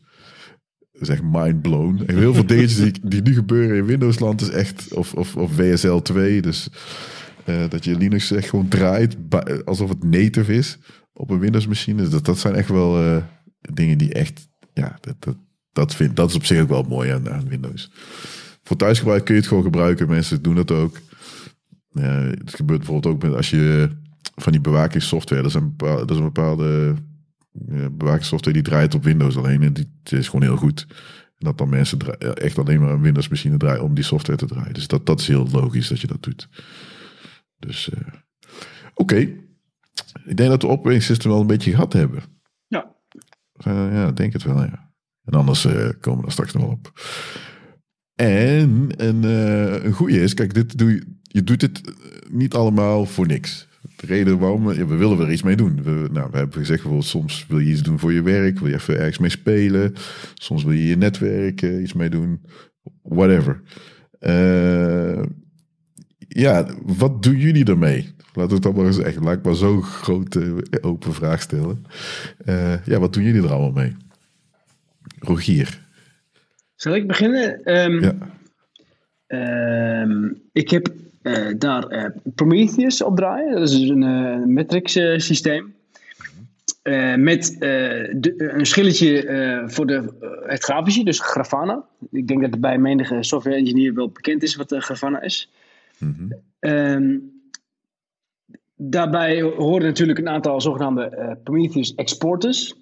Dus ik heb hier bijvoorbeeld Philips Hue lampen en, uh, en, die worden uitgelezen continu. Ik heb, uh, ik heb ook uh, Ubiquity spul, dus en daar hoort een, een, een controller bij. Die draait in een container. En ook die gegevens duw ik dus via Prometheus um, Grafana in, om het zo maar even te zeggen. Mm ik haal het dus weer op via, via een via Open Weather API ik, ik lees de zonnepanelen uit. Dus ik, ik heb één groot dashboard, één groot gevaarlijk dashboard van het huis, mhm. basically. Dat is, uh, dat, dat is um, eigenlijk waar het op neerkomt. En daarnaast, uh, ja, ik ben nog steeds uh, vervent RSS-reader. Ik gebruik echt veel RSS. Oh, echt? Ja. Oh, grappig. Ja, super, super tof. En, en ja, daar heb ik, dat, ik, heb, ik gebruik Miniflux daarvoor. Dat is, dat is een bekende RSS-aggregator. Mhm. En die draait ook in een container. Uh, alles komt binnen bij Traffic. Traffic is een uh, reverse proxy, dus ik heb een domeinnaam. Uh, en stel dat is uh, en dan kan ik zeggen rss.pietjepuk.nl. Die verwijs ik dan bij mijn prov provider, heet het dan waarschijnlijk, waar ik dus mijn domein heb, heb, heb, heb ge ja. gekocht. TransIP is dat. Dan heb ik gezegd, oké, okay, rss.pietjepuk.nl verwijs maar door naar en dat is dan mijn statische IP-adres wat ik bij Access for All heb. En dan kom ik dus uit op poortje, oh, 80, op poortje 80 bij, bij Traffic. En Traffic die is dan, um, die heeft uh, de Docker socket gemount. En die ziet dan automatisch op basis van de hostname hey, dit is een verzoek, een request voor RSS. En die stuurt hem dan naar, um, naar de desbetreffende Docker container. Dus dat werkt echt super tof. Ja. Uh, ik meen, ja. oh ja, het mooie, dat trouwens, misschien heb je dat, nee, dat zei je niet volgens mij. Traffic doet ook nog iets interessants. Ik weet niet of dat voor RSS-feeds ook handig Ja, trouwens voor RSS-feeds ook. Maar je doet ook een HTTPS uh, uh, termination en het ophalen van het certificaat. Of heb, heb je dat ook geconfigureerd? Ja ja, ja, ja, Ik heb HTTP ken ik eigenlijk niet meer. Ik doe alles is HTTPS. En het doet, doet traffic automatisch, gewoon via Let's Encrypt. Ja, dat is ook super. Maar dan moet je zelf, ja, dus kan wel. Maar ik heb het ooit geprobeerd, joh. En dan loop je te klooien met die certificaten en dan. Uh, nee, nee, nee, moet je niet doen. Ja. Nee. Ja, maar dat vind ik echt wel tof aan, uh, aan traffic. Zeg maar, dus met, ja goed, los van de, de reverse proxy configuratie, dus dat, dat is even, maar dat hij dat, dat, dat zullen andere dingen ook doen, maar dat hij dan automatisch via Let's Encrypt zeg maar dat ophaalt en een je kunt, ja, het refreshen kun je volgens mij ook. Ja. ik heb ook zo'n volgens mij een Docker container die dat al voor me doet, dus ik kijk daar ook niet meer naar om. Dus dat is wel, wel, ja, wel nice. Ja, ja en ook, uh, ook um, een uh, middleware geconfigureerd voor traffic. Dus, dus één, is ook, ook één aparte container die dus de authenticatie uh, oh, echt? veroorzaakt. Dus alle, alle containers kan ik gewoon user accounts uitzetten. Ja. Er, komt een request binnen van buiten.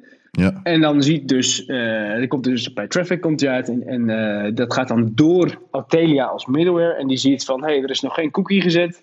En dan krijg ik gewoon netjes een, een um, ja, zo'n login schermpje. Challenge, ja. ja. Dat is cool. Ja, en het kan, en het kan ook eh, two-factor authentication uh, ondersteunen via, via push, push, button, push, push. Nou, dat is een andere service, dat ondersteunt het ook. Dus je kunt dan, ja, je kunt, je kunt, het is echt professioneel speel, lijkt het wel. Ja, ja dat is het ook gewoon. Bedoel, het is, ja, dat is het ook. ja, ja, want traffic wordt gewoon ook gebruikt ja, in, in Kubernetes uh, bijvoorbeeld. Dus als reverse proxy, ja, het is heel, heel vaak Nginx of uh, traffic. Ik meen dat er nog een andere is die populair is. Dus dat, ja, dat, ja, dat kun je allemaal draaien. Dat is het tof aan open source ook ja, dat is spul die je zeg maar in je dagelijkse werk uh, gebruikt. Ja, die kun je vaak ook gewoon thuis runnen. Dus dat, dat zijn echt wel, wel gave, gave dingen. Ja. ja. Ja, en dat was het eigenlijk wel. Ja, ik heb dan nog wat Go-service. Ik ben natuurlijk Go-liefhebber. en en ik, ik draai wat, wat, wat knutselspulletjes om het. wat, je, wat je met Home Assistant volgens mij ook zou kunnen doen. Maar ik, ik vind het dan leuk om een beetje zelf in elkaar te. Zelf te doen, ja. ja, Als, ik, als ik bijvoorbeeld, bijvoorbeeld als de zonnepanelen meer op, opleveren dan het huis momenteel vraagt wil, ja. dat, dan, dan uh, kan ik een push-notificatie krijgen. Dan, oh, uh, denk ik, oh, oké, prima, we hebben een overschot. Dus ja. dat, dat soort, dat soort uh, onzin. Ja, ja. ja, zo grappig, ja. Dat zijn wel, ja, nee, dat, dat, dat is echt wel, ja, cool. Ivo, nou ja. verwacht ik echt, echt een, een soort van... Een lijst, ja. Datacenter. uh... nou, ik heb het even, even opgezomd. En volgens mij heb ik alles. Ik heb een fileserver draaien.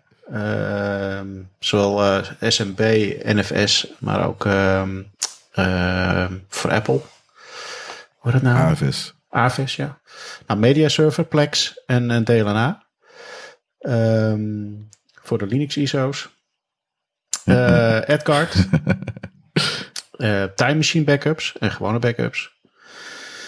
Um, Demotica, Node-RED, Home Assistant, MQTT en Motion Eye. Want ik heb mijn eigen camera's gemaakt voor en achter het huis. Uh, met, oh. uh, met Pi Zero's, van die kleine dingetjes. Ja. Ik, ik, ja, ik wil, dat is een beetje, bij mij draait het vooral om, ook om privacy. Ik wil niet afhankelijk zijn van clouddiensten. Nee. En al die Chinese camera's, ik heb ze zelf allemaal, eh, nou, allemaal, ik heb er een aantal gehad en die heb ik allemaal zelf uh, redelijk makkelijk route kunnen krijgen. Nou, dat, dat wil ik niet. Dus ik heb er eentje zelf gemaakt. In eerste instantie eentje zelf gemaakt en uh, ik heb bijvoorbeeld in de tuin nu een vogelhuisje en er zit gewoon een camera in. Ja. Nou, die, die, dingen zijn niet krachtig genoeg om motion detection zelf te doen. Dus die hebben een, een, een RTSP-stream. En die pik ik op met Motion Eye. En Motion Eye, dit kost best wel wat processortijd. En die, uh, die capture dat en die gaat het analyseren.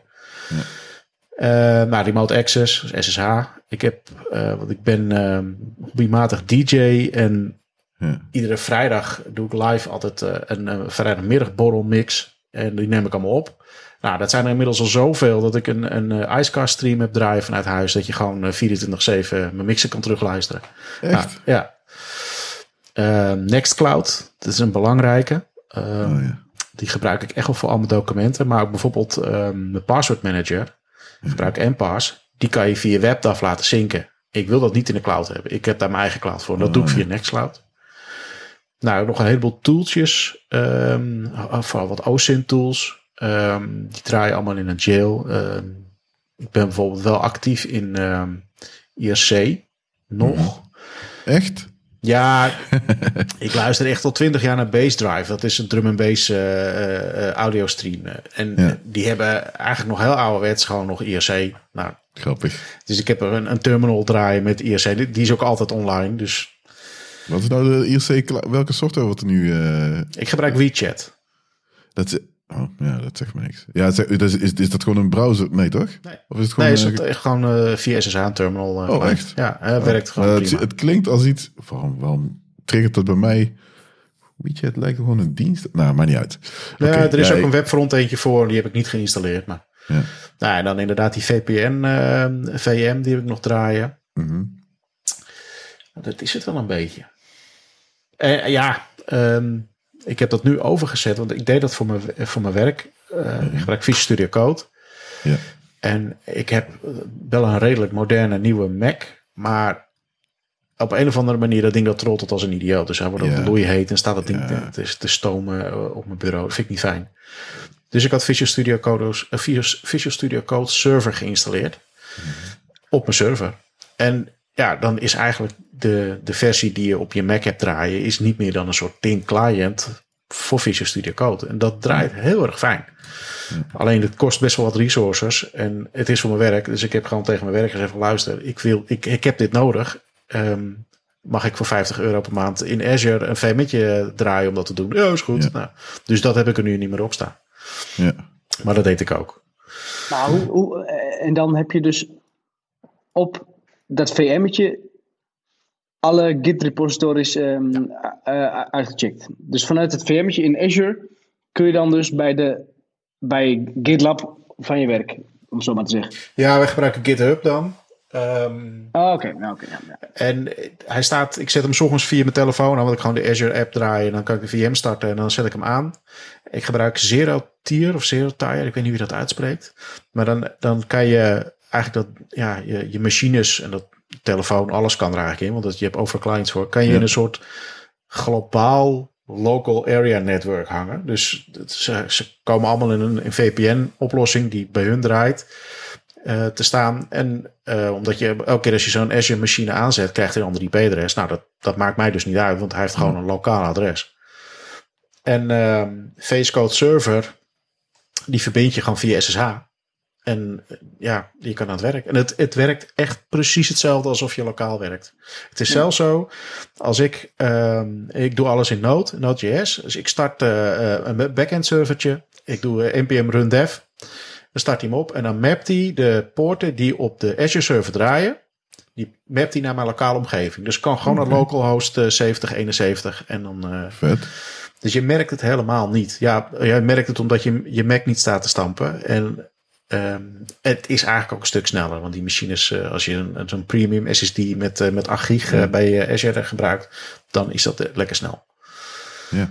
En dan 10 uur s'avonds gaat hij automatisch uit. Je moet, het enige waar je voor moet zorgen, en volgens mij, ik heb het nog niet gehad, is het redelijk veilig. Maar wat ik zorg in ieder geval dat ik al mijn werk heb opgeslagen en gecommit en gepusht. Ja. ja. dat is sowieso good practice. Dus. Ja.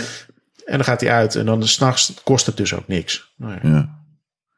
Ja, dat is wel nice. Ja. Zie je Maar dat draai ik dus op mijn home server. Ja. Cool, cool, cool, cool. Ja, ja, ik draai ook van alles. Ja, ik, zat, ik had even mijn ASXI uh, eh, dashboard erbij gehaald. Ik zie dat, en dan kun je ook zien zeg maar, wat, wat de desbetreffende VM aan uh, CPU gebruikt. En megahertz, dat tellen ze in megahertz. Dat is op zich, ja, dat is natuurlijk een percentage vertaald naar het het maximale van wat je CPU pakt. En dan uh, uh, ja, een deel daarvan uh, wat de, huidige VM gebruikt en hoeveel geheugen ook. Dus dat valt me op zich wel mee. Ik heb een NAS wat ik dan draai, zeg maar, op Ubuntu. Dat ding doet eigenlijk meer, doet te veel. Maar die NAS, die, daar, daar staan foto's op, filmpjes en weet ik wat allemaal. Ik, ik ben wel echt niet heel erg georganiseerd. Dus één keer in de zoveel tijd maak ik me boos. Dan weet ik van oké, ik moet nu echt dingen weg gaan gooien. En wat meer structuur aan aanbrengen. En ik wilde eigenlijk uh, gaan backuppen. Dus de, de spullen, dus, want ja goed, uh, RAID is geen backup. Maar die spullen die op die RAID, dat RAID systeem staan, wil ik eigenlijk naar de cloud backup. Ja, dan zul jij zeggen, oh, dan moet je niet naar de cloud backup. Maar wel eerst geëncrypt ge, lokaal.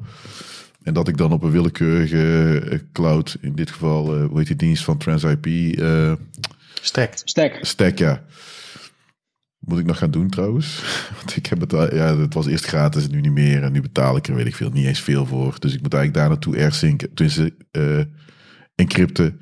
Ik wil airzinken. Ik weet niet of dat kan met hun, maar goed. Dan moet dat kan niet. Nou, nee. dus, dus Alleen WebDAV. En nog eens een vrij brakke WebDAV. Ja. Nou, dat dus. Dus even kijken of ik dat wel uh, blijf uh, ondersteunen. Uh, maar goed, dat is die NAS. Ik had een GitLab, die heb ik nu uitstaan, zie ik. Want ik gebruik hem ook eigenlijk nooit. Dat is het fijne. Als je geen resource nodig heeft, dan, uh, dan heb ik een. Ik heb dat ding Docker host genoemd. Dat is waarschijnlijk echt zo breed dat ik alle, alles wat, Docker is, die flikker ik daarop.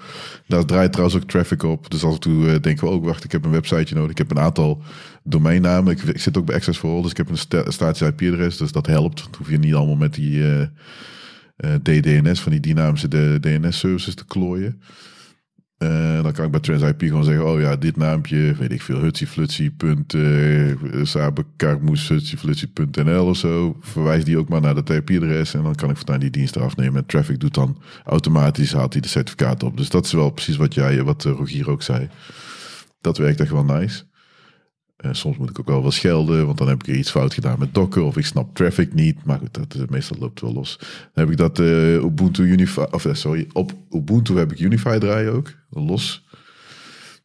voor mijn netwerken, de, ja, de, controle ervan. Dus dan kan ik mooi visueel allemaal zien wat ik allemaal heb draaien. MQTT heb ik draaien, waar ik ongelooflijk veel disk space aan heb gegeven. Ik snap niet waarom. Dan heb ik nog een IoT. De ene MQTT is intern, de andere MQTT is voor naar buiten. Ik weet, die, die kan ook uit. Want dat uh, gebruikte ik eerst om. Uh, stel dat ik met mijn telefoon. Nee, niet met telefoon, weet ik veel. Andere diensten. Die kunnen dan vanaf buiten, vanaf het internet, MQTT-berichten naar mijn, uh, naar mijn huis sturen. En dan vanuit daar ga ik naar mijn interne MQTT. Dat is een soort van lichte security best practice. Home Assistant voor Domotica. Pi-hole is voor, uh, hoe heet dat? Uh, jij had het net over Edgard, volgens mij. Ja. Ik kreeg Pi-hole niet aan de praat in een jail. ja, dat kan. Oh ja, dat kan. Ja. Uh, zeg maar, ja, dat ding heet Pi, omdat het de meestal draait op Raspberry Pi. Ik heb het gewoon in mijn ESXi-machine draaien. Uh, als VM. Maar dat zorgt zeg maar dat ik allerlei uh, malware wat tegenhouden op basis van DNS-namen. Dan het verkeer gaat niet meer door. Of uh, alleen ads. Dus dat is op zich wel, wel cool. Wat ook fijn is aan Pio, dat je soms ook kunt zien dat sommige diensten, applicaties, belachelijk veel DNS-requests doen. Ja. Ik denk, oké, waar ben jij mee bezig? Doe eens even normaal. Maar goed, dat, dat, dat heeft ook wel, je krijgt wel een soort van, het betekent niet dat ik de hele dag zit F5 op, maar je hebt soms, kijk ik er wel eens naar van, hey, gebeurt daar niet iets geks? Uh, nou goed, dat. En ik heb Redmail draaien, dat is een voor mail. Dat heeft me best wel tijd gekost om dat fatsoenlijk te, in te richten. Want ik wil een mailserver uh, hebben. Ik, eigenlijk wil ik ergens mail hosten. Niet op Gmail, Google. En die veilig is. En dan kom je op Proton Mail uit. Proton Mail is echt knetterduur. Als je in je eentje bent, niks aan de hand. Maar ja, goed, dan is het niet goedkoop, maar het is ook niet knetterduur. Maar als je, ik dacht van, weet je, ik heb een karmoes.nl domein. En ik wil daar eh, de mail voor uh, voor heel mijn gezin zeg maar regelen. Want die jongens worden steeds ouder en die beginnen steeds meer. Oh, ik moet voor uh, Roblox een mailaccount hebben. Mooi, dan uh, wilde ik dat via ProtonMail. Maar dat is gewoon hartstikke duur. Want je betaalt gewoon per persoon. Betaal je, weet ik veel, 7 euro per maand of zo. Ja, dat tikt gewoon aan. Dat vind ik net iets te prijzig. Toen dacht ik, weet je wat, ik ga het gewoon zelf doen. en toen dacht ik, ja, dat is, dat is vast iemand die een pakket ervoor heeft gemaakt. Nou, daar zijn een aantal bekenden voor. Redmail is er eentje van draait. Maar ik wilde ook, ja, dat is ook altijd, ik weet niet waarom, waarom ik altijd echt het ingewikkeldste wil. Ik wilde ook dat mijn uh, mailbox geëncrypt, zeg maar, opgeslagen werd. Uh, en dat is voor mezelf is dat niet zo'n issue. Alleen je wil ook dat voor anderen dat gebeurt. En het issue daarmee is dat je dan het paswoord zeg maar je, van de user wil je gebruiken ook om te encrypten, zodat ik, de admin, nooit weet wat het password is. Maar omdat om te automatiseren, ja, dat, is, dat, dat moet je waarschijnlijk de betaalde versie hebben. En dat zelf helemaal te scripten, dat had ik echt, voel ik net een brug te ver. Dus ik ben nu de enige met uh, geëncrypte mailboxen. Maar jouw, jouw mail komt dus uit in de meterkast. Dus de, de, de mailrecords? Ja, van is SMTP alles. Sorry? SMTP ook. Ja. Oh, je Access for All mag dat, hè? Ja. ja. Ja. Maar dus, heb, je uh, heb, je daar niet een hoop gezeik mee dan? Nee. Nou, als, je, ik, als je het goed dichttimmert, dan, dan kan dat ja, best. Ja, dat ook. Nou ja, sowieso dat dichttimmeren, zeg maar, Redmail, kijk, het moet natuurlijk security-wise, want dat ding draait natuurlijk uh, netjes in een, eh, een, DM, een DMZ, dus in een aparte VLAN, dus die server die is niet, zit niet in mijn netwerk. Dus dat is de eerste concern. Dan heb ik uh, ja, die IDS, IPS dingetjes van die uh, USG Pro, dus die... Ik ga niet zeggen dat dat, veel, dat dat alles beschermt, maar er komen heel veel hits langs van, oh, een of andere Russische IP-adres probeert jouw uh, server X uh, aan te vallen, dan gaat die helemaal goed. Maar ook andersom. Dat is trouwens van, van buiten naar binnen. Ik bedoel, een firewall houdt van buiten naar binnen redelijk veel tegen. En IDS, uh, dus hoe heet dat? Intrusion Detection. die doet ook nog best veel. Alleen van binnen naar buiten gebeurt het ook nog. Dat, dat vergeten. Dat zijn natuurlijk al die, die, die hele toffe phishing mails. En als je eenmaal malware binnen hebt, ja, dan ben je gewoon de shark. Dan kun je wel een heel mooi fancy firewall hebben. Maar de meeste firewalls, die laten ja, 9 van de 10, misschien 10 van de 10, laten al het verkeer van binnen naar buiten gewoon naar buiten toe gaan. Daar gaan ze echt niet uh, moeilijk doen. Accepten gewoon alles. Heb ik ooit ook eens een keer in mijn ver verleden dacht ik, oh nee, dat ga ik echt niet doen. Ik ga echt alleen maar dingetjes accepteren waar ik van weet dat het goed is. Little, little snitch op de Mac. Ja, die heb ik wel, dat klopt. Ja, dat is wel een hele goede tip. Uh, dat mis ik wel. Ja, dat heb ik op Windows ook wel. Maar is op Windows niet zo mooi als, uh, als op uh, de tegenhanger. Als op Mac. Dus dat is sowieso een aanrader. Ook trouwens op je, op je Windows, op je poef, Mac om Linux Snitch te draaien. Maar op Windows heb je ook een soort gelijke. Die check ook wat voor verkeer er naar buiten toe gaat. Dat is ook wel grappig trouwens. Je hebt zo'n kaart toch bij Little Snitch. Dus dan kun je zien waar het verkeer van service bla bla bla naar India of naar België. En ik keek daar af en toe eens op. Ik dacht van, hey, hoezo, wat, wat heb jij te zoeken in China, bla bla bla. Wat, wat is hier Dus dat ik echt denk, ja, hier klopt dus niet. dus, en ik weet niet of dat dan echt iets is, maar dat ik dan gewoon echt denk, nou weet je, dit gaat even uit. Dat, uh, hier vertrouw ik het niet helemaal. Dus dat is op zich wel grappig, een beetje bewustwording van wat er allemaal gebeurt. Maar goed, die redmail werkt. Het belangrijkste met mail is dat je niet op allerlei blacklists terechtkomt. En Redmail heeft dan allerlei best practices om te zorgen dat je dan daar niet op komt en dat het geaccepteerd wordt. En dan zijn er tests van, oké, als jij kunt mailen naar outlook.com en naar Gmail zonder dat je in je spam terechtkomt, dan is het meestal oké. Je moet blijven mailen, zorgen dat je gewoon geen rare dingen doet en dan komt het goed. Want zodra iemand maar jouw Redmail te pakken krijgt en SMTP uh, eh, heeft en denkt, hey, vet, we gaan spam versturen vanaf het Saber. Ja, dan uh, ben je gewoon de Sjaak. Dan als je mail, uh, als je IP-adres wordt geblacklist. Dus dat... Ja. Mocht je ooit klaar zijn met Redmail, mocht je, mocht je er helemaal gek van worden, dan Fastmail is, ah, ja. is wel, dat, dat, heb ik al jaren, dat is echt, echt heel relaxed. En dat is ook nog een beetje betaalbaar. Ja, precies. Hey, ik heb gewoon een eigen servertje nog ergens in een rek hangen. Oh ja. Maar dat is, ja, het, eh, ik, kan, ik kan thuis geen uh, eh, SMTP draaien, want ik heb gewoon KPN-lijn. Oh, ja. En hiervoor Ziggo en uh, die pikken dat echt niet. Nee. Nee, dat klopt ja. Bij jij dat Access for All, misschien is Freedom ook uh, inmiddels. Het toffe aan Access for All, je kunt wel zeggen van oké, draai het dicht. Je hebt volgens mij vijf niveaus. Ja. ja en dan zeg je oké, draai alles maar, nee, beveilig alles maar. En dan is die SFTP ook vergeten maar. En dan kun je steeds meer openzetten. Ik, heb, ik weet niet, ik draai volgens mij helemaal open. Heel, heel handig om dit net te vertellen. maar, nou ja, als je er een IDS tussen hebt.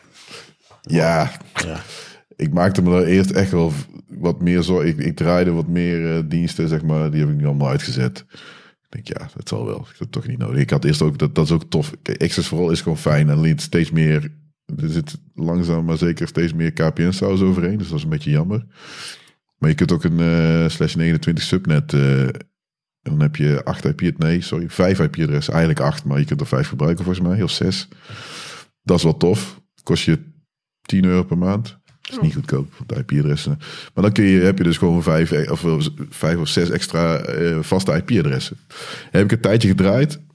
En toen dacht ik, waarom? Want je kan met die reverse proxy gaat 8 of 9 van 10 keer gaat het ook goed. Het is alleen jammer dat je naar buiten toe gaat. Dus die diensten draaien onder dezelfde IP-adres als waar jij zelf mee naar buiten gaat. En dat privacy technisch vind ik dat dan... Uh... Maar goed, dat uh, maakt me nu eventjes... Ik heb andere dingen waar ik me druk over maak. dus dat... Uh... Nee, maar gaaf. Dat zijn echt wel... ja, de, de, de, dingen die ik draai. Ik vind, ja, ik vind het ook echt serieus echt leuk. Maar dat is een beetje mijn euvel, dat zeg ik altijd. Ik vind echt alles leuk aan computers. En ook dat beheer, ik vind het gewoon handig om te weten, zeg maar. Dat is ook, ook met mijn vorige werkgever, dus met Kubernetes, zeg maar. Dus daarvoor had ik het op, op vier Raspberry Pi's draaien. Uh, om gewoon even te kijken, wat is Kubernetes? En ik vind toen, ik vind het nog steeds uh, complex, zeg maar. Niet, niet zozeer dat het, het is uiteindelijk als je het weet is het niet moeilijk, maar het is best een complex verhaal. En dan leer je echt oké, wat betekent dit nou? En, en, en hoe kun je dit nou allemaal inregelen? Hoe werkt dat netwerken?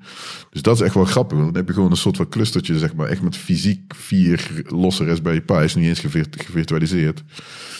En dat je het op die manier, uh, dat je ermee speelt. En nou, dan heb je toch, en ik wil niet zeggen een streepje een stap voor, maar je, je hebt, op die manier ben je er mee in gekomen, zonder dat je heel... Nou trouwens, het kost me redelijk wat geld. zijn die Raspberry Pi's zijn niet helemaal gratis. Uh, dus dat, dat is echt wel, wel cool. Um, maar uh, ja, nee, ja, het, het, ik vind het gewoon leuk. Ik vind het heel magisch. Dat vond ik al de eerste keer dat ik, nou, toen ik op de hogeschool kwam.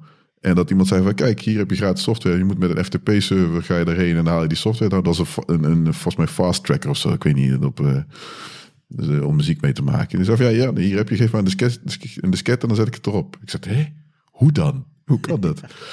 dus dat, nou, dat was de eerste stap dat het kon. En toen was het, oh ja, maar als je nou uh, toen ja, BSD of Linux draait, dan kun je gewoon zelf je FTP-server draaien. Ik denk, uh, en gratis? ik zat echt, oké. Okay. Nou, nou, toen had, nee, nou, heb de smaak van te pakken. En een webserver die je zelf kunt draaien. Uh, alles kon je draaien. Dus het is, ja, het is gewoon gaaf om, om te doen. En die, die kennis, zeg maar, de command line van Unix en Linux, die in je vingers hebben, ja, betaalt zich nu gewoon echt tien keer terug. Ja, zeker. Ja. Omdat dat echt wel handig is om dat uh, ja, te kunnen en te weten. En je, je weet wel wegwijzen. Als iemand in een Linux uh, command line dropt, ja, dan weet je in ieder geval wat je, waar je wat kunt zoeken. En alles is gelukkig een tekstverhaal. En het is geen registry zoals met Windows. Dus dat is wel, uh, wel fijn. Ja. ja, ik zag hier, we zien hier nog meer dingetjes tussen staan. Want ik zie Grafana. Ja, niet dat, ja. Gebruiken jullie dat of doet iemand daar iets mee? Ja, ja, ja, wat ik net zei. Ik, ik heb. ja. Oh, ja. Ik, ik push alle metrics naar Prometheus en, Prometheus en uh, Grafana is dan het, uh, het grafische schilletje daaromheen. Ja. Dus uh, ja, daar zie ik gewoon hoeveel huurlampen er aan zijn. En, en oh, wat het weer is en wat de opbrengst is van de zonnepanelen en dat soort, dat soort dingetjes. Maar ook hoeveel, ook hoeveel ongelezen RSS-berichten ik heb. cool. ja. dat is wel grappig, ja. Ja, en, en, en met, met noodexporten ook, um, uh, ik, be ik, beheer een aantal andere servertjes en die pushen ook hun metrics naar deze. Dus als daar uh, een harde schijf vol loopt, dan zie je dat. Ik heb de alerting ja. op. Ja. Okay. Maar ja, dat gebruiken we bij ons op, op het bedrijf ook. Dus, dus, ook, ook hiervoor geldt weer van, ja, als je, als je het kent. Ja. Het is, het is gewoon handig. Ja, ja, ja. Ja, je neemt die kennis wel mee. Ja. ja. Uh, eens even kijken. Ja. Ja, ja, ja, ja. ja jij noemde Plex even, Ivo. Ja, ja. heb ik ook. Ja, Plex is echt wel magisch iets. Ja, fantastisch. Media server, ja. Ik ben inmiddels, uh, ik heb jarenlang ieder jaar betaald. Want ik wil wel uh, de, maar ik heb nu een lifetime subscription. Oh wel, oké. Ja, ik vind het de moeite waard. En, en ik vind het gewoon super cool dat alle dvd's die ik heb gedigitaliseerd, die kan ik gewoon op mijn telefoon kijken. En, en, ja. en, en zinken ook. En um, al muziek. Het is gewoon echt. En waar ze het van doen, ik heb geen idee. Want ja, er zijn best wel wat mensen die voor betalen. Maar er, er zit mijn partij werk in wat die gasten doen. Niet normaal. Ja, dat is. Ja, zeker. En ik had toevallig ja. deze week uh, was mijn Plex-server gecrashed. -hmm. geen idee. Ik denk de database corrupt of zo. Dus ik heb hem opnieuw uh, ingericht. En. Um, Maar dan kom je er wel achter dat het wel nadelig is dat je je database niet gebackupt had. In dit geval. Ja. Maar mis je dan al je metadata? Nou, nee, dat gaat helemaal weer downloaden. Dus op zich is dat niet zo'n probleem. Maar ik ben wel je progress kwijt. Dus je weet niet meer waar je gebleven bent en wat je wel of niet geluisterd en gezien hebt. Ja, nou, Echt verschrikkelijk is het ook weer niet. Maar. En, het is een beetje jammer, ja. Ja, maar goed. Eh, ik vind het gewoon heel fijn om, uh, om mijn media in te consumeren. En vooral omdat er gewoon elk denkbaar platform is er wel een, een app voor. Ja, zeker. Ik weet, dat is wel echt wel een tijd geleden. Toen was de Apple TV 3 volgens mij. Ja, daar kon je nog geen apps op installeren. Klopt. Die hadden een, dat was wel een leuk trucje. Wat je dan kon doen. Dan kon je de, ik meen de iTunes, maar, of in ieder geval een app misbruiken. Ja. Wat je dan deed was de DNS aanpassen. Ja. En dan wees je dus in plaats van naar de Apple DNS of naar de, uh, de applicatie van Apple, uh, wees je naar je eigen Plex-server. En die ving dat op en die renderde dan zeg maar de data vanuit je Plex, zodat je alsnog de video's van Plex op je Apple TV 3 kon kijken. Oh, vet. En dat heb ik echt jaren gebruikt. Dat werkt als een trein. Ja. ja, het is echt wel cool. Ja, ik vind het echt magisch. Want het was, hoe zeg je dat? Uh, ik draai het ook echt wel lang. En wel, ik heb, dit heel stomme is dat ik, ik weet niet hoe lang het er nu is, maar echt redelijk vroeg in het begin, dat ik toen die lifetime niet heb afgesloten. Die is toen op een gegeven moment veel duurder geworden. en ik dacht iedere keer, ik, heb, ik betaal ieder jaar gewoon één keer en dan uh, zien we wel. Ieder jaar denk ik van, oh ja, ik ga misschien toch die lifetime nemen. Dus ik had eigenlijk al lang lifetime. Tien jaar heb ik dat gedacht. Ja, precies. Had ik het er gewoon uitgehaald. Uh, ja, het was ook een beetje van, oké, ga ik hem nog gebruiken? En, ja, maar ja, toch wel. En uh, ja, toch wel. Dus het is, eigenlijk moet ik het gewoon afsluiten. En ook, ik gun het die gasten ook wel. Ja, nou, dat is het ook vooral. Ze steken er echt super veel tijd in. En het is heel, het is heel gebruiksvriendelijk. Ik bedoel, het ziet er gewoon super goed uit. Uh, ja, nou, dat. dat, dus dat Black Friday deals, dan heb je lifetime voor uh, 70, 80 dollar. Ja, precies. Dus dat, dat is al te doen. Ja. Om, te, ja, om dat te doen. Ja, en, zeker ook, want ze hebben ook volgens mij, dat is ook wel grappig, want ze hebben een Tidal integratie. Dat heb ik, die heb ik aanstaan. Ik, ik heb Tidal zeg maar voor mijn muziek. Die kun je ook integreren. Dus dan heb je en je eigen muziek uh, die je ja, lokaal hebt staan. En die kun je ook, en Tidal kun je dan ook gebruiken. Dus het zijn, ze doen volgens mij links en rechts doen ze wel deals. Uh, waardoor ze ook volgens mij een soort van kickback fee of zo krijgen. Ze verdienen vast uh, op andere, allerlei andere manieren dingen. Live TV kan u ook. Als je een tuner in je, in je machine hebt, kun je gewoon live TV kijken. Ja, zo ja, ja. En recordings. En ze hebben er ook gewoon uh, TV, maar dat, dat zijn tv-streams van de, de, de uh, gratis zenders, zeg maar. Ja. Um, en dan, dan, bedoel, ja, de kwaliteit, uh, beeldkwaliteit is prima, alleen de inhoud, ja, moet, moet je het maar in kunnen vinden. Maar ja, dat, precies, dat, zit er ook ja. allemaal in nu. Ja. Dus ja, ik, ik, heb, ik heb ook wel eens met Ambi gespeeld, maar dat, dat is het echt niet. Nee, dat ken ik niet. En je hebt nog, de, de, de, dat is een heel bekende frontend. Hoe heet die nou ook alweer? XBMC? Of de voorganger? Ja, oh, opvolger. Kodi inderdaad. Ja. ja, Kodi, ja. Maar dat is niet echt een server-client model. Dus het, nee. de, dan, je kan Kodi wel gebruiken om weer met Plex te connecten. Ja. En Plex op, uh, op de Pi. Dat red je met een Pi 2. Ik in de ja. slaapkamer met, uh, met HDMI. En dat, de Pi die snapt CEC. Dus je kan gewoon Plex bedienen vanaf de asafbediening van je televisie. En dat draait prima. Plex, Plex BMC heet het geloof ik uit mijn hoofd. Ja. Ja, dat, dat die CEC, dat is echt wel gaaf. Ja. Dat je dus met je de tv, zeg maar, dus via HDMI, dat je dan je eigen afstandsbediening kunt gebruiken om dan uh, dat ding te bedienen. Ja, dat, dat is wel uh, tof. Oké, oké, oké. Uh, eens even kijken. Ja, ik had hier nog een kopje beheer, maar dat ga ik niet backuppen. Jongens, backup je dingen. Ik ga er niet heel lang bij stilstaan. Zorg dat je backupt. Er zijn zoveel dingen over te vinden. Ik weet nu al dat ik niet genoeg backup. Maar goed, dus dan moet ik nog een keer mezelf boos over maken. Zeker mijn foto's, daar ook echt, die heb ik wel gebackupt op meerdere dingen, maar daar ben ik echt als de dood voor dat ik die kwijtraak. Uh, maar goed, dat is wel, uh, wel belangrijk. Uh, ja, we hadden hier nog een vraag, aantal vragen, los vast. Een beetje, hoeveel tijd ben je hier aan kwijt? Mijn antwoord is te veel. Ik weet niet hoeveel tijd jullie erin... Nou, het opzetten, dat heeft veel tijd gekost. Ja. En gewoon zorgen dat je hardware stabiel is. En uh, dat ik met FreeNAS begon, ook gewoon kijken hoe het allemaal in elkaar zit en wat er allemaal kan. En daar ben je, daar ben je ja. echt weken zoet mee. Voordat je de stap neemt om het ook echt te gaan gebruiken. Ja. maar als het nou eenmaal draait, ja, in principe hoef ik er niet naar om te kijken, want het, het kachelt allemaal wel door. Ja, maar het is ook een hobby, dus weet je, ik denk dat ik er toch zeker wel uh, 1, 2 uurtjes per week wel, uh, wel ja. ja. mee bezig ben. Ja, dat is wel herkenbaar. Soms is het even, als ik iets nieuws, net bijvoorbeeld die mailserver, dan ben je even een paar dagen even aan het vloeken en dan werkt het. Ja. En nu, uh, ja, kijk er eens één keer in de maand of zo een keer naar. En dan valt het wel mee. Dus dat op zich hoeft het uiteindelijk niet, uh, niet veel tijd te kosten. En ik moet ook eerst zeggen dat dingen veel stabieler draaien tegenwoordig. Lijkt het op. Dan dat het was. Dus het is ook heel vaak dat, dat je ook gewoon dingen vergeet. Dat is een voordeel en nadeel. Want als het dan fout gaat, ben je echt de sjaak. Want dan ben je... Ja, je weet het ook echt niet meer. Nee, je moet voor jezelf documenteren. Dat is echt wel belangrijk, ja. Ja, ja, ja. Jij, Rogier? Ja, valt reuze mee. En de tijd die ik eraan besteed, dat is, ja, dat is hobby. Wat Ivo ook zegt, dat is gewoon, gewoon leuk om te doen. En leerzaam. En, uh, ja. Ja, nou, dat is waar. Hij valt reuze mee. Als, je, als het eenmaal draait, dan um, ja. is het stabiel genoeg. Ja, de stroom hebben we al gezegd. Dat, dat, dat, ja, kijk, een, een servertje wat uh, eh, 20 watt uh, verbruikt, ja, is 40 euro per jaar. Ik durf het dus gewoon niet te bekijken. Ik, ik zeg ook gewoon uh, dat het... mijn vrouw die heeft als hobby de vijver met de kois. Ik zeg gewoon dat de kosten oh, allemaal gewoon van de vijverpomp afkomen. ik denk stiekem dat het best wel wat stroom toch nog wel verbruikt hoor. Ja, ik heb ook wel zo'n dingetje aan, maar dat is aan mijn, gewone computer, niet aan mijn, server. Nee, aan mijn server heb ik dat niet. Dus via de UPS heb je wel een indicatie. Dat is niet heel nauwkeurig. Ja, is wel nauwkeurig, maar daar zit er misschien 10 watt naast of zo. Dus ik weet al wat het ongeveer kost. En ik wil ik, ik, die andere, dus die upgrade die ik ga doen. En ik heb, dat is ook wat ook heel vaak zeg, ik sprokkel wat hardware bij elkaar.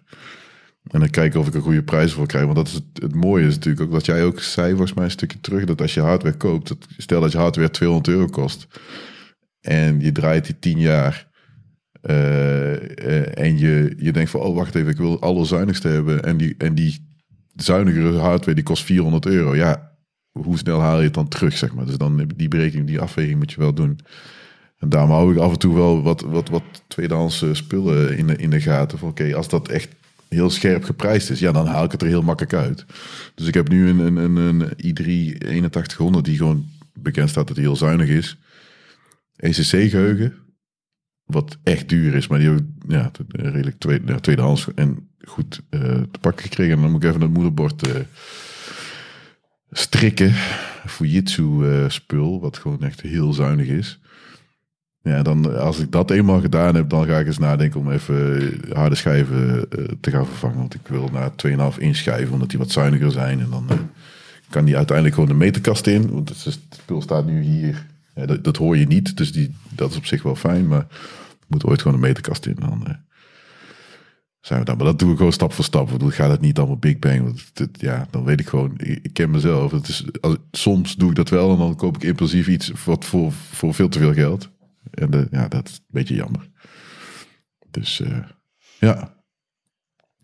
Uh, ja, stroom hebben we gezegd. Single, oh ja, single point of failure. Ja, dat is wel een ding. Daar zat ik laatst of, over te denken. Zeg maar, als ik nu wegval, of ik, of ik ben ziek en er gebeurt iets, dat is wel een beetje een naadje. Oh, jij als persoon bedoel je? Ja. Niet als systeem, maar echt als persoon. Je, want jij bent de beheerder van het huis. Stel, jij bent gewoon ziek of uh, weet ik veel wat. Ja, dat is niet zo heel handig. Ik ben er nog niet, maar in principe ehm, zou het moeten volstaan om dat ding uit te zetten en aan te zetten. Dan start alles gewoon goed op. Als dat niet gebeurt, um, uh, in het ergste geval uh, kunnen ze geen plek kijken. Ja. En de home automation doet het niet. Ja. Maar voor de home automation betekent dat eigenlijk alleen maar dat het licht van de trap niet automatisch aangaat. En voor de rest zijn er overal fysieke knoppen voor. Ja, precies. Ja, ik zal echt wel uh, eens een keertje een, een trial run moeten doen. Gewoon alles uitzetten, kijken wat ik eigenlijk tegenkom. Want dat heb ik nog niet gedaan. Um, maar dat is de, denk ik ook gewoon voor de rest van het gezin wel heel belangrijk. En verder, ja, YOLO. Ik bedoel, in het ergste geval, uh, wat ik al zeg, kunnen ze geen plex kijken. En dat is, ja, precies. Of geen muziek luisteren. Nou ja. ja. Ja, dat is bij ons ook wel een beetje... Uh, ja, dat is met home automation, maar dat, is natuurlijk een ander onderwerp. Of tenminste, dat je helemaal uh, los op gaan. dat vind ik wel belangrijk. Dat je gewoon, ook met die schakelaars, dat je licht aan en uit blijft kunnen doen zonder dat die server er is. Dus dat je die modus, dat je dat, die gedachte wel vasthoudt. Ja, natuurlijk, de, de, luxe, zeg maar, die mag wegvallen. Dus dat er een uh, lamp niet meer automatisch aan en uit gaat. Of weet ik wel, ingewikkelde logica die je hebt draaien. Van oh, iemand komt in de buurt van het huis, dus laat ik de muziek aanzetten. En het licht gaat bovenaan. Weet ik wat, allemaal van dat soort dingetjes. Ja, dat die er dan niet is. Ja, jammer dan, weet je. Dat is luxe. Maar het huis moet gewoon wel doordraaien. Dus dat is wel een beetje een insteek. Dus dat is ook wel iets waar ik de komende tijd, want ik, ga verhuizen, zeg maar trouwens. Uh, zal eind van dit jaar gaan gebeuren. Dus dat ik dan echt alles echt wel wat robuuster op ga zetten. En dat ik wat minder spielerij. Want ik merk ook gewoon, ik, net ook met bijvoorbeeld Home Assistant, dat stiekem gaat daar heel veel tijd in zitten. Daar begin ik me steeds meer aan te ergeren. Want ik vind ook voor mezelf dat het gebruiksvriendelijker moet zijn gaan worden. En dat is nog niet zo. Want nu is het, ik kan niet van iemand anders in dit gezin verwachten dat hij allerlei YAML-files gaat editen. En weet ik wat allemaal. Ja, kom op jongens. YAML doe je sowieso je ergste vijand niet toe. Ja, precies. dus, dus, en Home Assistant zelf, de UI is oké. Je kunt er allerlei dashboards voor maken. Maar ja, het is eigenlijk nog niet voor de eindgebruiker. Dus dat, ja, ik zit er altijd zo, eh, zo oké, moet ik dit nog zo blijven doen? Want soms denk ik van, ja, zoek het maar uit. Ik ga gewoon alles met HomeKit doen. En ja, het is een beetje vloeken. En het is allemaal uh, Apple en zo. Maar ja, dan, weet je, dan ben ik van dat gedoe af. Dus dat soort dingetjes wel. Ik merk wel dat ik gewoon alleen maar de, de belangrijke dingen wil doen. En soms wil ik wel met dingetjes experimenteren om even te leren. Maar de, de kritische dingen in huis, die moeten eigenlijk niet meer... Ja, het moet geen experiment meer zijn. Weet je, daar ben ik wel een beetje klaar mee. Maar ga je een huis bouwen, uh, Saber? Of, um... Nee, nee, ja, het, wordt voor, het is gewoon een uh, nieuwbouwproject. Maar uh, als, als, als, wij wonen ook in een, in een redelijk nieuwe woning en we hebben ja. Bush Jager Free at Home, heet dat.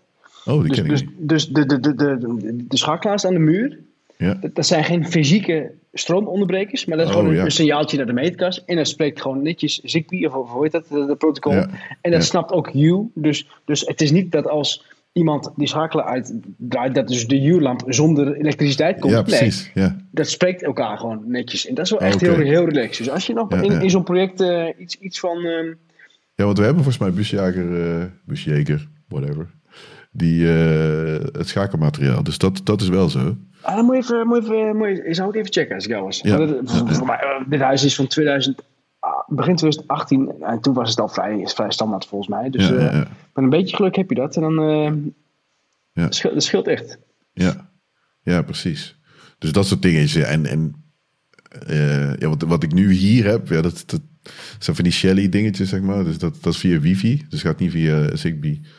Want ik, ik, ik heb echt al heel lang U. Echt sinds het begin.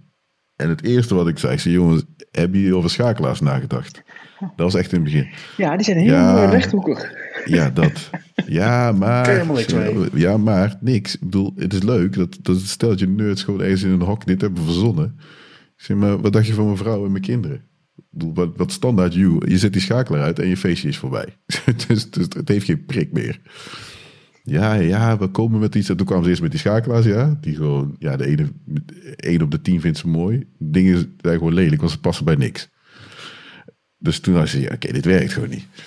En nu hebben ze volgens mij wel die modules. Je hebt van die kleine modules, die kun je nu wel achter je schakelmateriaal. En dan, maar goed, volgens mij werken ze nog steeds op batterijen, dacht ik. Dus ik dacht, het is wel goed, maar nog niet helemaal. Maar hè, ze hebben in ieder geval erover nagedacht. Bushjager, free at home, je helemaal klaar. Ja, mooi, mooi. Ga ik daar eens even naar kijken. Goed, eh, laten we naar de tips gaan. Ik denk dat we genoeg besproken hebben. Ik, weet, eh, ik heb niet eens een goede tijdsindicatie hier. Dat is echt slecht. We zijn al eh, bijna twee uur bezig, of niet? Bijna wel, ja. Toch? Ja, zo ongeveer wel, ja. Ja. Mooi, dat is een mooi om naar de tips te gaan. Eh, Rogier, want ik zie die van jou eh, bovenaan staan. Ja, ik, Ja, maar ik, tips. heb, ik heb twee tips. Ehm, containers, Docker containers pak ik altijd van linuxserver.io. Dat zijn gewoon altijd hele, hele up-to-date containers, eh, goed gedocumenteerd. Eh, ze ondersteunen ook ehm, ehm, het feit dat als jij als eh, user, ehm, als, als niet-root user de container start, dat dus de files die aangemaakt zijn binnen de container ook jouw, van jou zijn.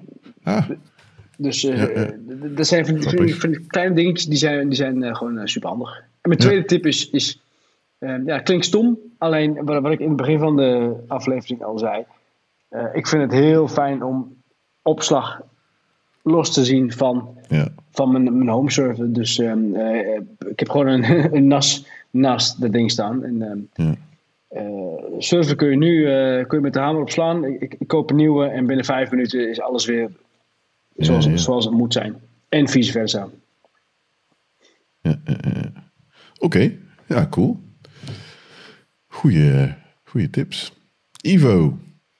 Ja, nou, ik had al een aantal van de tips die ik heb eh, bedacht, die heb ik al besproken. Onder andere mhm. Plex en Zeratier. Um, en ook de, de, als je meerdere harde schijven koopt, koop ze bij verschillende shops. Mhm. En uh, geef ze een burn-in period. Het Shuken, Shuken, ik weet niet hoe je dat uitspreekt. Wat misschien nog wel... even, wacht even voordat je verder gaat. Zero Tier, wat doet het? Ik, ja, uh... ze noemen dat een Global Area Network. Het is eigenlijk gewoon een VPN-dienst. Alleen okay. voor jou alleen. Dus het is niet zo dat je een VPN naar buiten toe zodat je vanuit een ander land komt. Um, ik heb bijvoorbeeld mijn telefoon en al mijn servers uh, en, uh, en, nog wat andere machines, die, die, die hangen allemaal in, in dat ja, VPN-netwerk. Mm -hmm. En als ik op straat ben en ik zit gewoon op mijn 5G, 4G-netwerk, ja. dan uh, heeft hij wel een lokaal adres. Dus kan ik eigenlijk alle diensten die in dat netwerk, in dat Global Area netwerk zitten, lokaal benaderen. Cool. Ja, het is gratis. En ze hebben gewoon een, een, client. En je kan het ook openstellen, dus je kan ook andere mensen toegang geven. Ik heb die van mij natuurlijk, uh, omdat het ook allemaal privé diensten zijn, die heb ik wel ja, gewoon ja. Uh, dichtgetimmerd. Zeker de moeite zo naar te kijken. Ik ben niet zo'n heel erg uh, netwerkheld. Nee. Um, maar je kan ook een heleboel dingen nog met firewall rules en IP tables en dat soort uh, okay. Maar wat gebruikt voor protocol? Is het OpenVPN of zo? Of is dat, of is het... Geen idee. Ja, okay. Want uh, het werkt. En het, ik bedoel, ja, precies. Het, je, je, je maakt een account aan, je krijgt een ID. En ik heb, het is letterlijk gewoon uh, je, in, in een Linux-omgeving doe je. In, ik ben ook al van de Debian apt-get install uh. Ja. En daarna is het Zeratier CLI join en dan het ID. Klaar. En je hebt een, inter, een interface, een extra netwerkinterface. Je moet hem alleen nog in de portal uh, van uh, Zeratier moet je hem nog goedkeuren. Want je moet wel aangeven dat hij toegekend wordt. Ja. En nou, binnen 10 seconden krijgt hij een, een intern IP-adresje en klaar.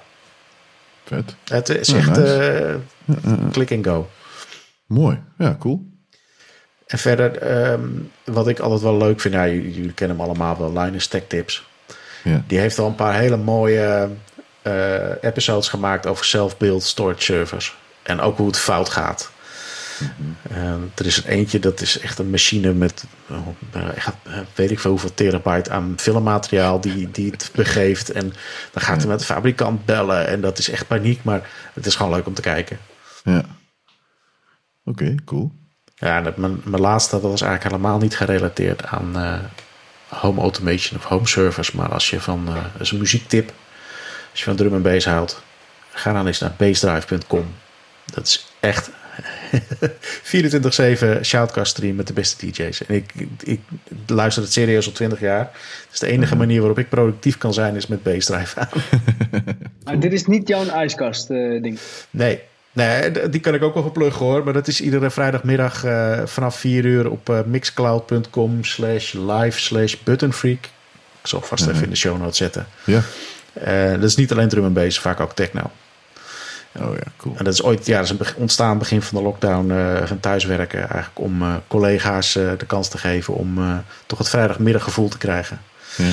En nou, het, is, het varieert tussen de 8 en de 15 luisteraars, kijkers. Want ik, ik stream het op Twitch en op Mixcloud kan je kijken ook. En dat is gewoon leuk. En morgen heb ik iets, dus morgen is het toevallig dan een keertje niet. Maar, oh ja, zo, oké. Okay. ja, grappig. Maar goed, dat is voor de luisteraars morgen. Als wij het uitzenden, dan is het. Uh, ja, die, dag, ja. die dag ben je er wel gewoon. Oké. Okay. Dat waren jouw tips. Er waren er best wel een aantal. Dan kom ik met één tip. Heeft helemaal niks met uh, service te maken. Dus het gaat om een conferentie voor Next.js. Is een, ja, hoe moet ik het noemen? Een ja, voor, voor React-applicaties, die kun je draaien daarmee.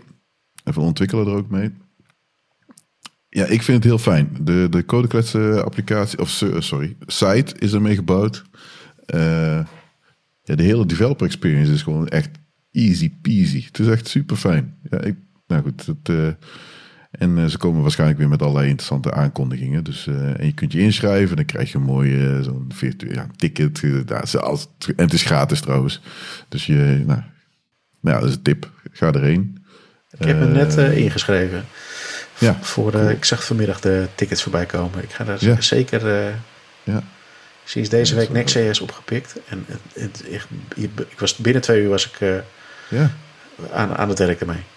Ja, ik vind het echt, echt tof Next.js. Omdat het, ik heb ook, uh, hoe heet het, tegen Gatsby. Gatsby ook geprobeerd. Dat klikte bij mij echt niet. Ik denk, jongens, wat is dit nou voor ingewikkeldheid? Uh, want ik wilde de site en dan wil ik de RSS-feed, nee, RSS-feed. Van, want ja, we hosten ergens onze podcast die RSS-feed wil ik uitlezen en dan uh, de mp3-file erbij te halen, zodat ik die player dan kon laten zien. En, en uh, nou, die de gegenereerde pagina. Dus dat wilde ik eigenlijk met Gatsby ook doen. Maar dat was echt allemaal gedoe. Terwijl bij, bij Next was het gewoon, ja, het gewoon React. En een, deel ja, draait op de server, zeg maar. was het of statisch gegenereerd of dynamisch. je hebt ook nog een modus, zeg maar, dat de als je erachter komt dat de content verouderd is, de eerst vol, de eerst, dus jij krijgt toch oude uh, content, dat triggert hij zeg maar als het ware het updateproces en de eerstvolgende krijgt een nieuwe pagina. Dus dat is allemaal, uh, ja, werkt gewoon hartstikke, hartstikke cool. Maar goed, dat moet je maar, uh, ja, duik ik zelf maar een keer in Next.js. En die NextConf is wel, wel cool. Goed, dat waren de tips. ja, was leuk.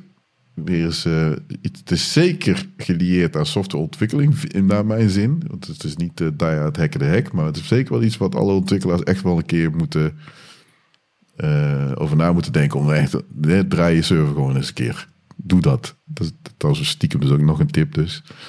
Maar ja, ja, ik vond het wel, wel leuk om het erover te hebben. We, ja. kunnen, we kunnen een channeltje aanmaken in de, in de, in de Slack voor de mensen die willen beginnen. Kunnen we een beetje sport bieden. Ja, eens kijken hoe ze dat. Help! Kun je mijn computer even komen fixen? Oh nee, als dat moet het niet zijn. Nee. Kom niet je computer fixen. Je moet het zelf doen. Maar uh, nee, goed, voor tips kun je zeker in de Slack uh, terecht. Goed. Dankjewel uh, jullie alle twee. Rogier, bedankt. Ivo, bedankt. Ja, graag gedaan. was tof. luisteraars, bedankt voor het luisteren. Uh, de links naar onze gasten, naar uh, Rogier en Ivo, ja, die kun je vinden in de show notes. Dat doen we altijd. Kun je daar gewoon vinden. Uh, Twitter, LinkedIn, dan whatever relevante links. ja, dus ik denk dat we deze, dat ik even werken heb aan alle links en show notes, zeg maar. hoe heet dat? Netjes in een markdown file neer te zetten. Maar dat komt wel goed. Ehm, die kun je natuurlijk ook op Codeklets vinden. En via Codeklets kun je ook terechtkomen op onze Slack. En vanuit de Slack kun je ook vragen, mededelingen of suggesties uh, droppen. Kunnen we op reageren. Daar zijn wij uh, trouwens alle drie op te vinden. Ja, dat is wel een goeie. Je kunt ons ook op Twitter volgen. En via LinkedIn probeer ik, nou probeer ik niet dat de, ja, maken we ook bekend dat die afleveringen zijn. Om wat snippets te droppen. Want we willen natuurlijk zoveel mogelijk developers bereiken. En dan hopen dat die ook af en toe eens een keer op onze Slack terechtkomen. Dus uh, oké, okay, dat was hem. Later. Doei. Doei. doei.